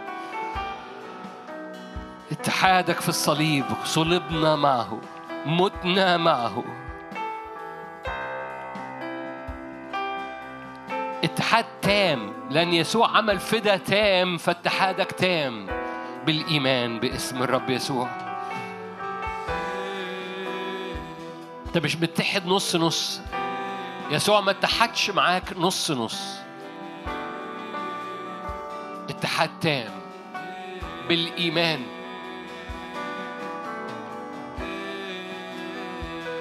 ترنيمة الأطفال بيقول خلاصي تم.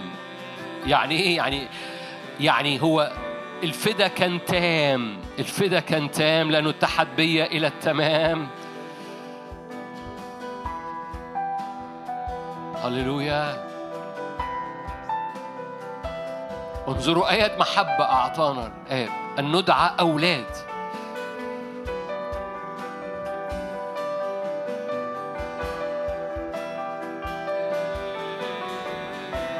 هللويا هللويا هللويا هللويا. اطلع اجري. اطلع اجري على الصليب لأنه أنت كنت هناك. اطلع اجري. أنت كنت فيه. اطلع اجري أنت كنت في الصليب اطلع اجري أنت في القيامة أيضا.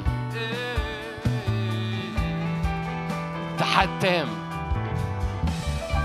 من مات قد تبرأ.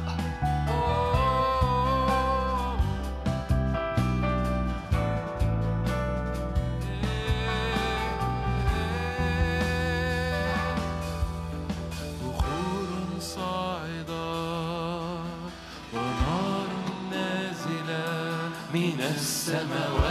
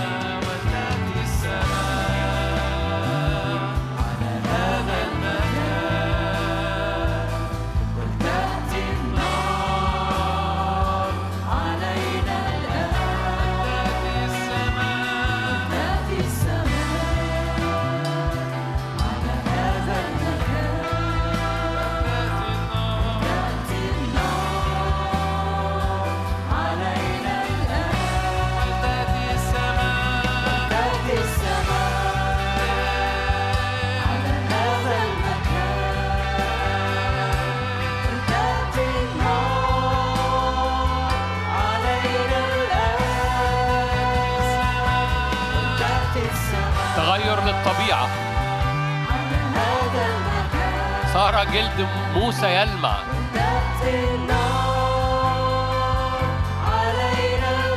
بخور صاعدة بخور صاعد. عبادة صاعدة. استجابة نارية. جمرات نارية. استقبلها جوه روحك. بخور صاعدة. ونار السماوات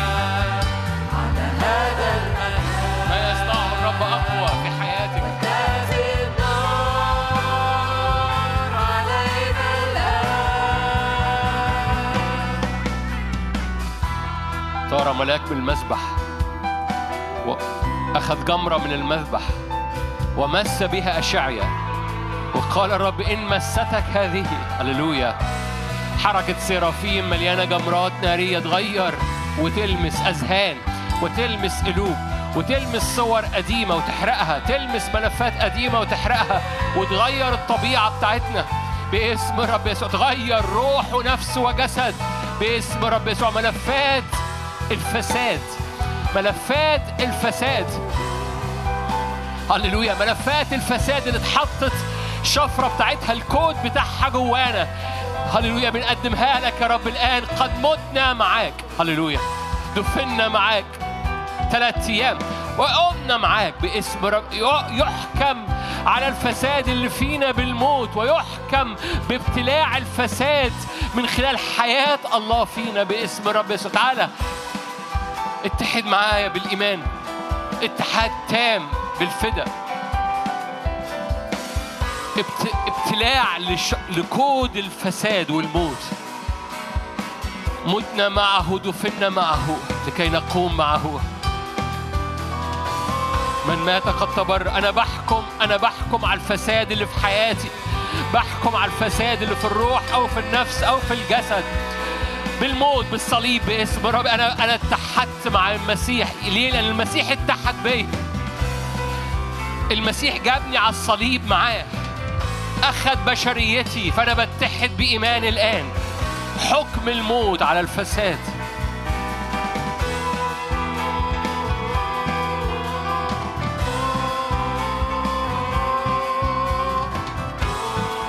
تعال بجمراتك النارية بالسيرافيم والمس بيها.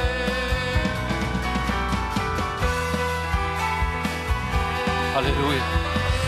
متنا معه قمنا معه. صلبنا معه أقامنا معه. رنوا للإله رنموا لاسمه إلهنا ما هو.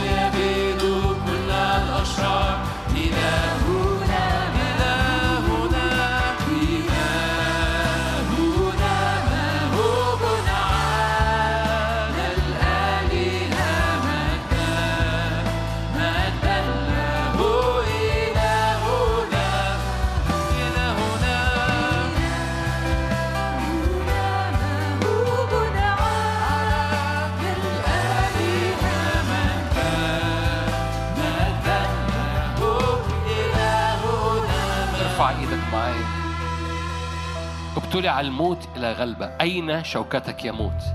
أين غلبتك يا هوية؟ القبر لم يستطيع أن يحتويه ابتلع الموت إلى غلبة. ابتلعت الطبيعة القديمة فينا. خلعتم العتيق. قد لبستم الجديد الذي يتجدد يوما بعد يوم إلى صورة الخالق. بنلبس الجديد الذي يتجدد إلى تلك الصورة عينها إلى صورة الخالق. غاية الحياة المسيحية مش بس غفران الخطية. غاية الحياة المسيحية هو الصورة الإلهية. من يفصلك الآن؟ اتحاد تام بالفدا اتحاد تام مع الإعلان واتحاد تام مع محبته وطاعة الوصية.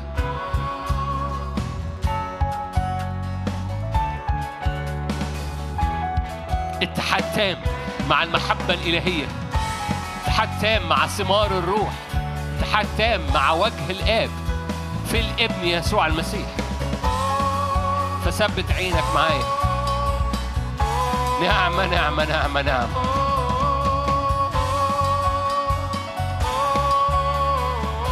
أين شوكتك يا موت؟ أين غلبتك يا هوية؟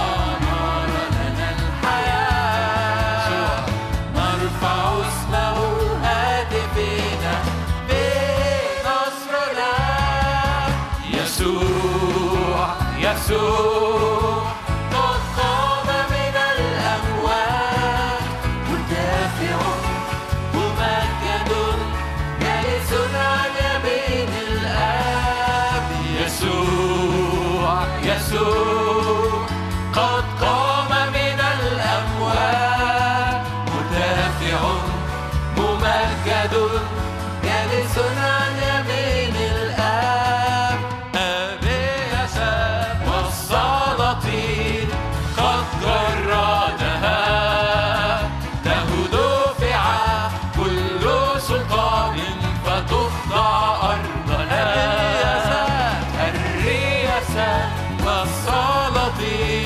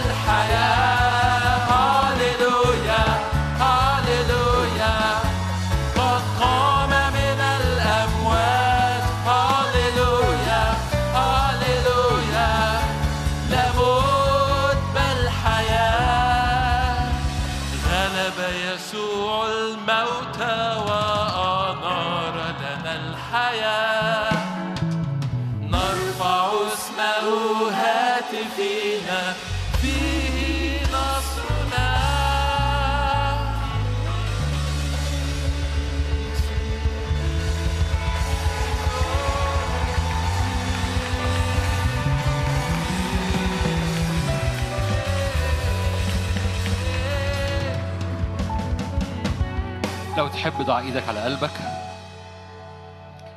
متحدين معه. متحدين معه في موته. متحدين معه في قيامته. لكي نسلك في جدة الحياة. نلبس الجديد الذي يتجدد يوما فيوما لصورة الخالق. نتغير إلى تلك الصورة عينها من مجد إلى مجد.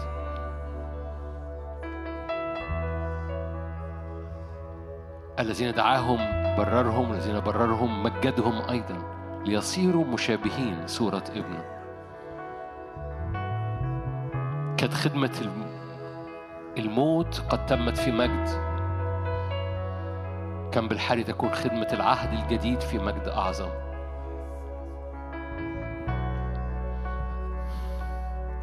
وانت حاطط إيدك على قلبك كده طبيعة جديدة.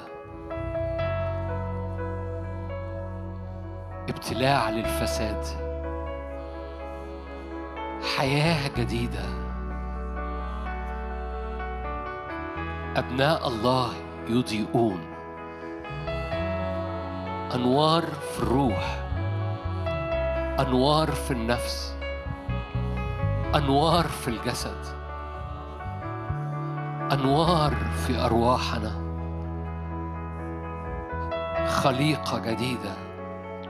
أنوار في النفس في الإعلان وفي المحبة وفي ثمار الروح.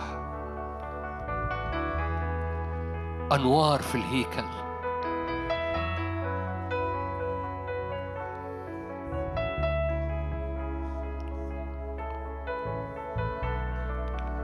يا رب اختبار جماعي. كنيسة مليانة نور. كنيسة مليانة نار. كنيسة مليانة يسوع. اختبار جماعي يا رب لنصرة وراحة وفرح حرية. اختبار جماعي يا رب لطيب النازل. حتى طرف الثياب حتى أصغر حتة فينا. اختبار جماعي يا رب إنه عينينا منورة أذهاننا منورة. لا فساد ولا بؤر ظلام لا بؤر حزن ولا بؤر خوف ولا بؤر خطية ولا بؤر صور قديمة. اختبار جماعي يا رب لنارك ولحضورك يا رب اللي بي بيغير بيقدس بيبرق وبيشفي. اختبار جماعي.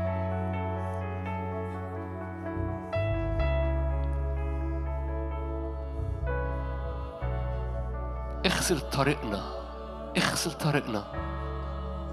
اغسل رجلينا زي ما غسلت رجلين بطرس. غسلت رجلين ال ال 12 تلميذ. اختبار جماعي من غسل أرجل. قال له إن لم أغسلك ليس لك معي نصيب. اغسل رجلينا من تراب مراحل سابقة من تراب 23 ودخلنا في. في الزمن اللي جاي بطريق مليان مجد. مليان نور. صلي من أجل رجليك وصلي من أجل طريقك المليان مجد الأبناء تجلي الأبناء. مليان نور. على طريقك يضيء نور باسم الرب يسوع. على طريقك وجه الرب يضيء على طريقك على خروجك على دخولك على خدمتك على أبواب بيتك على طريقك يضيء نور. لأن كل حاجة في الحياة تبقى مليانة من هذه هذه الطبيعة الإلهية هذا النور الإلهي. سلام سلام سلام.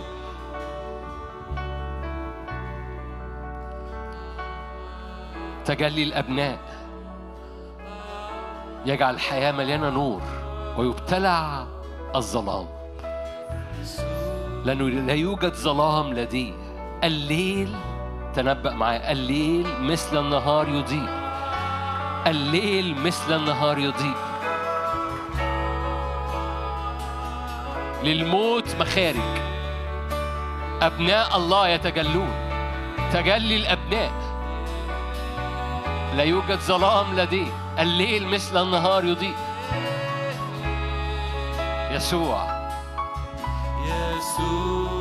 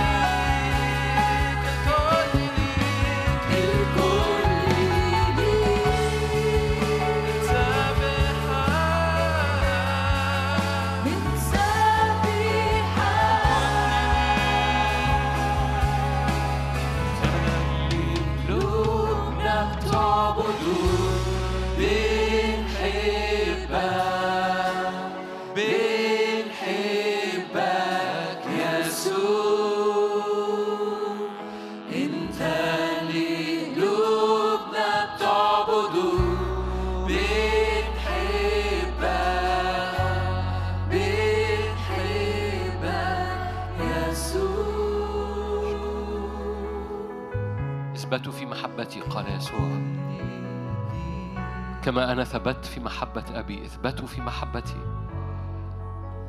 أن الذي يثبت في وأنا فيه يأتي بثمر ويدوم ثمره.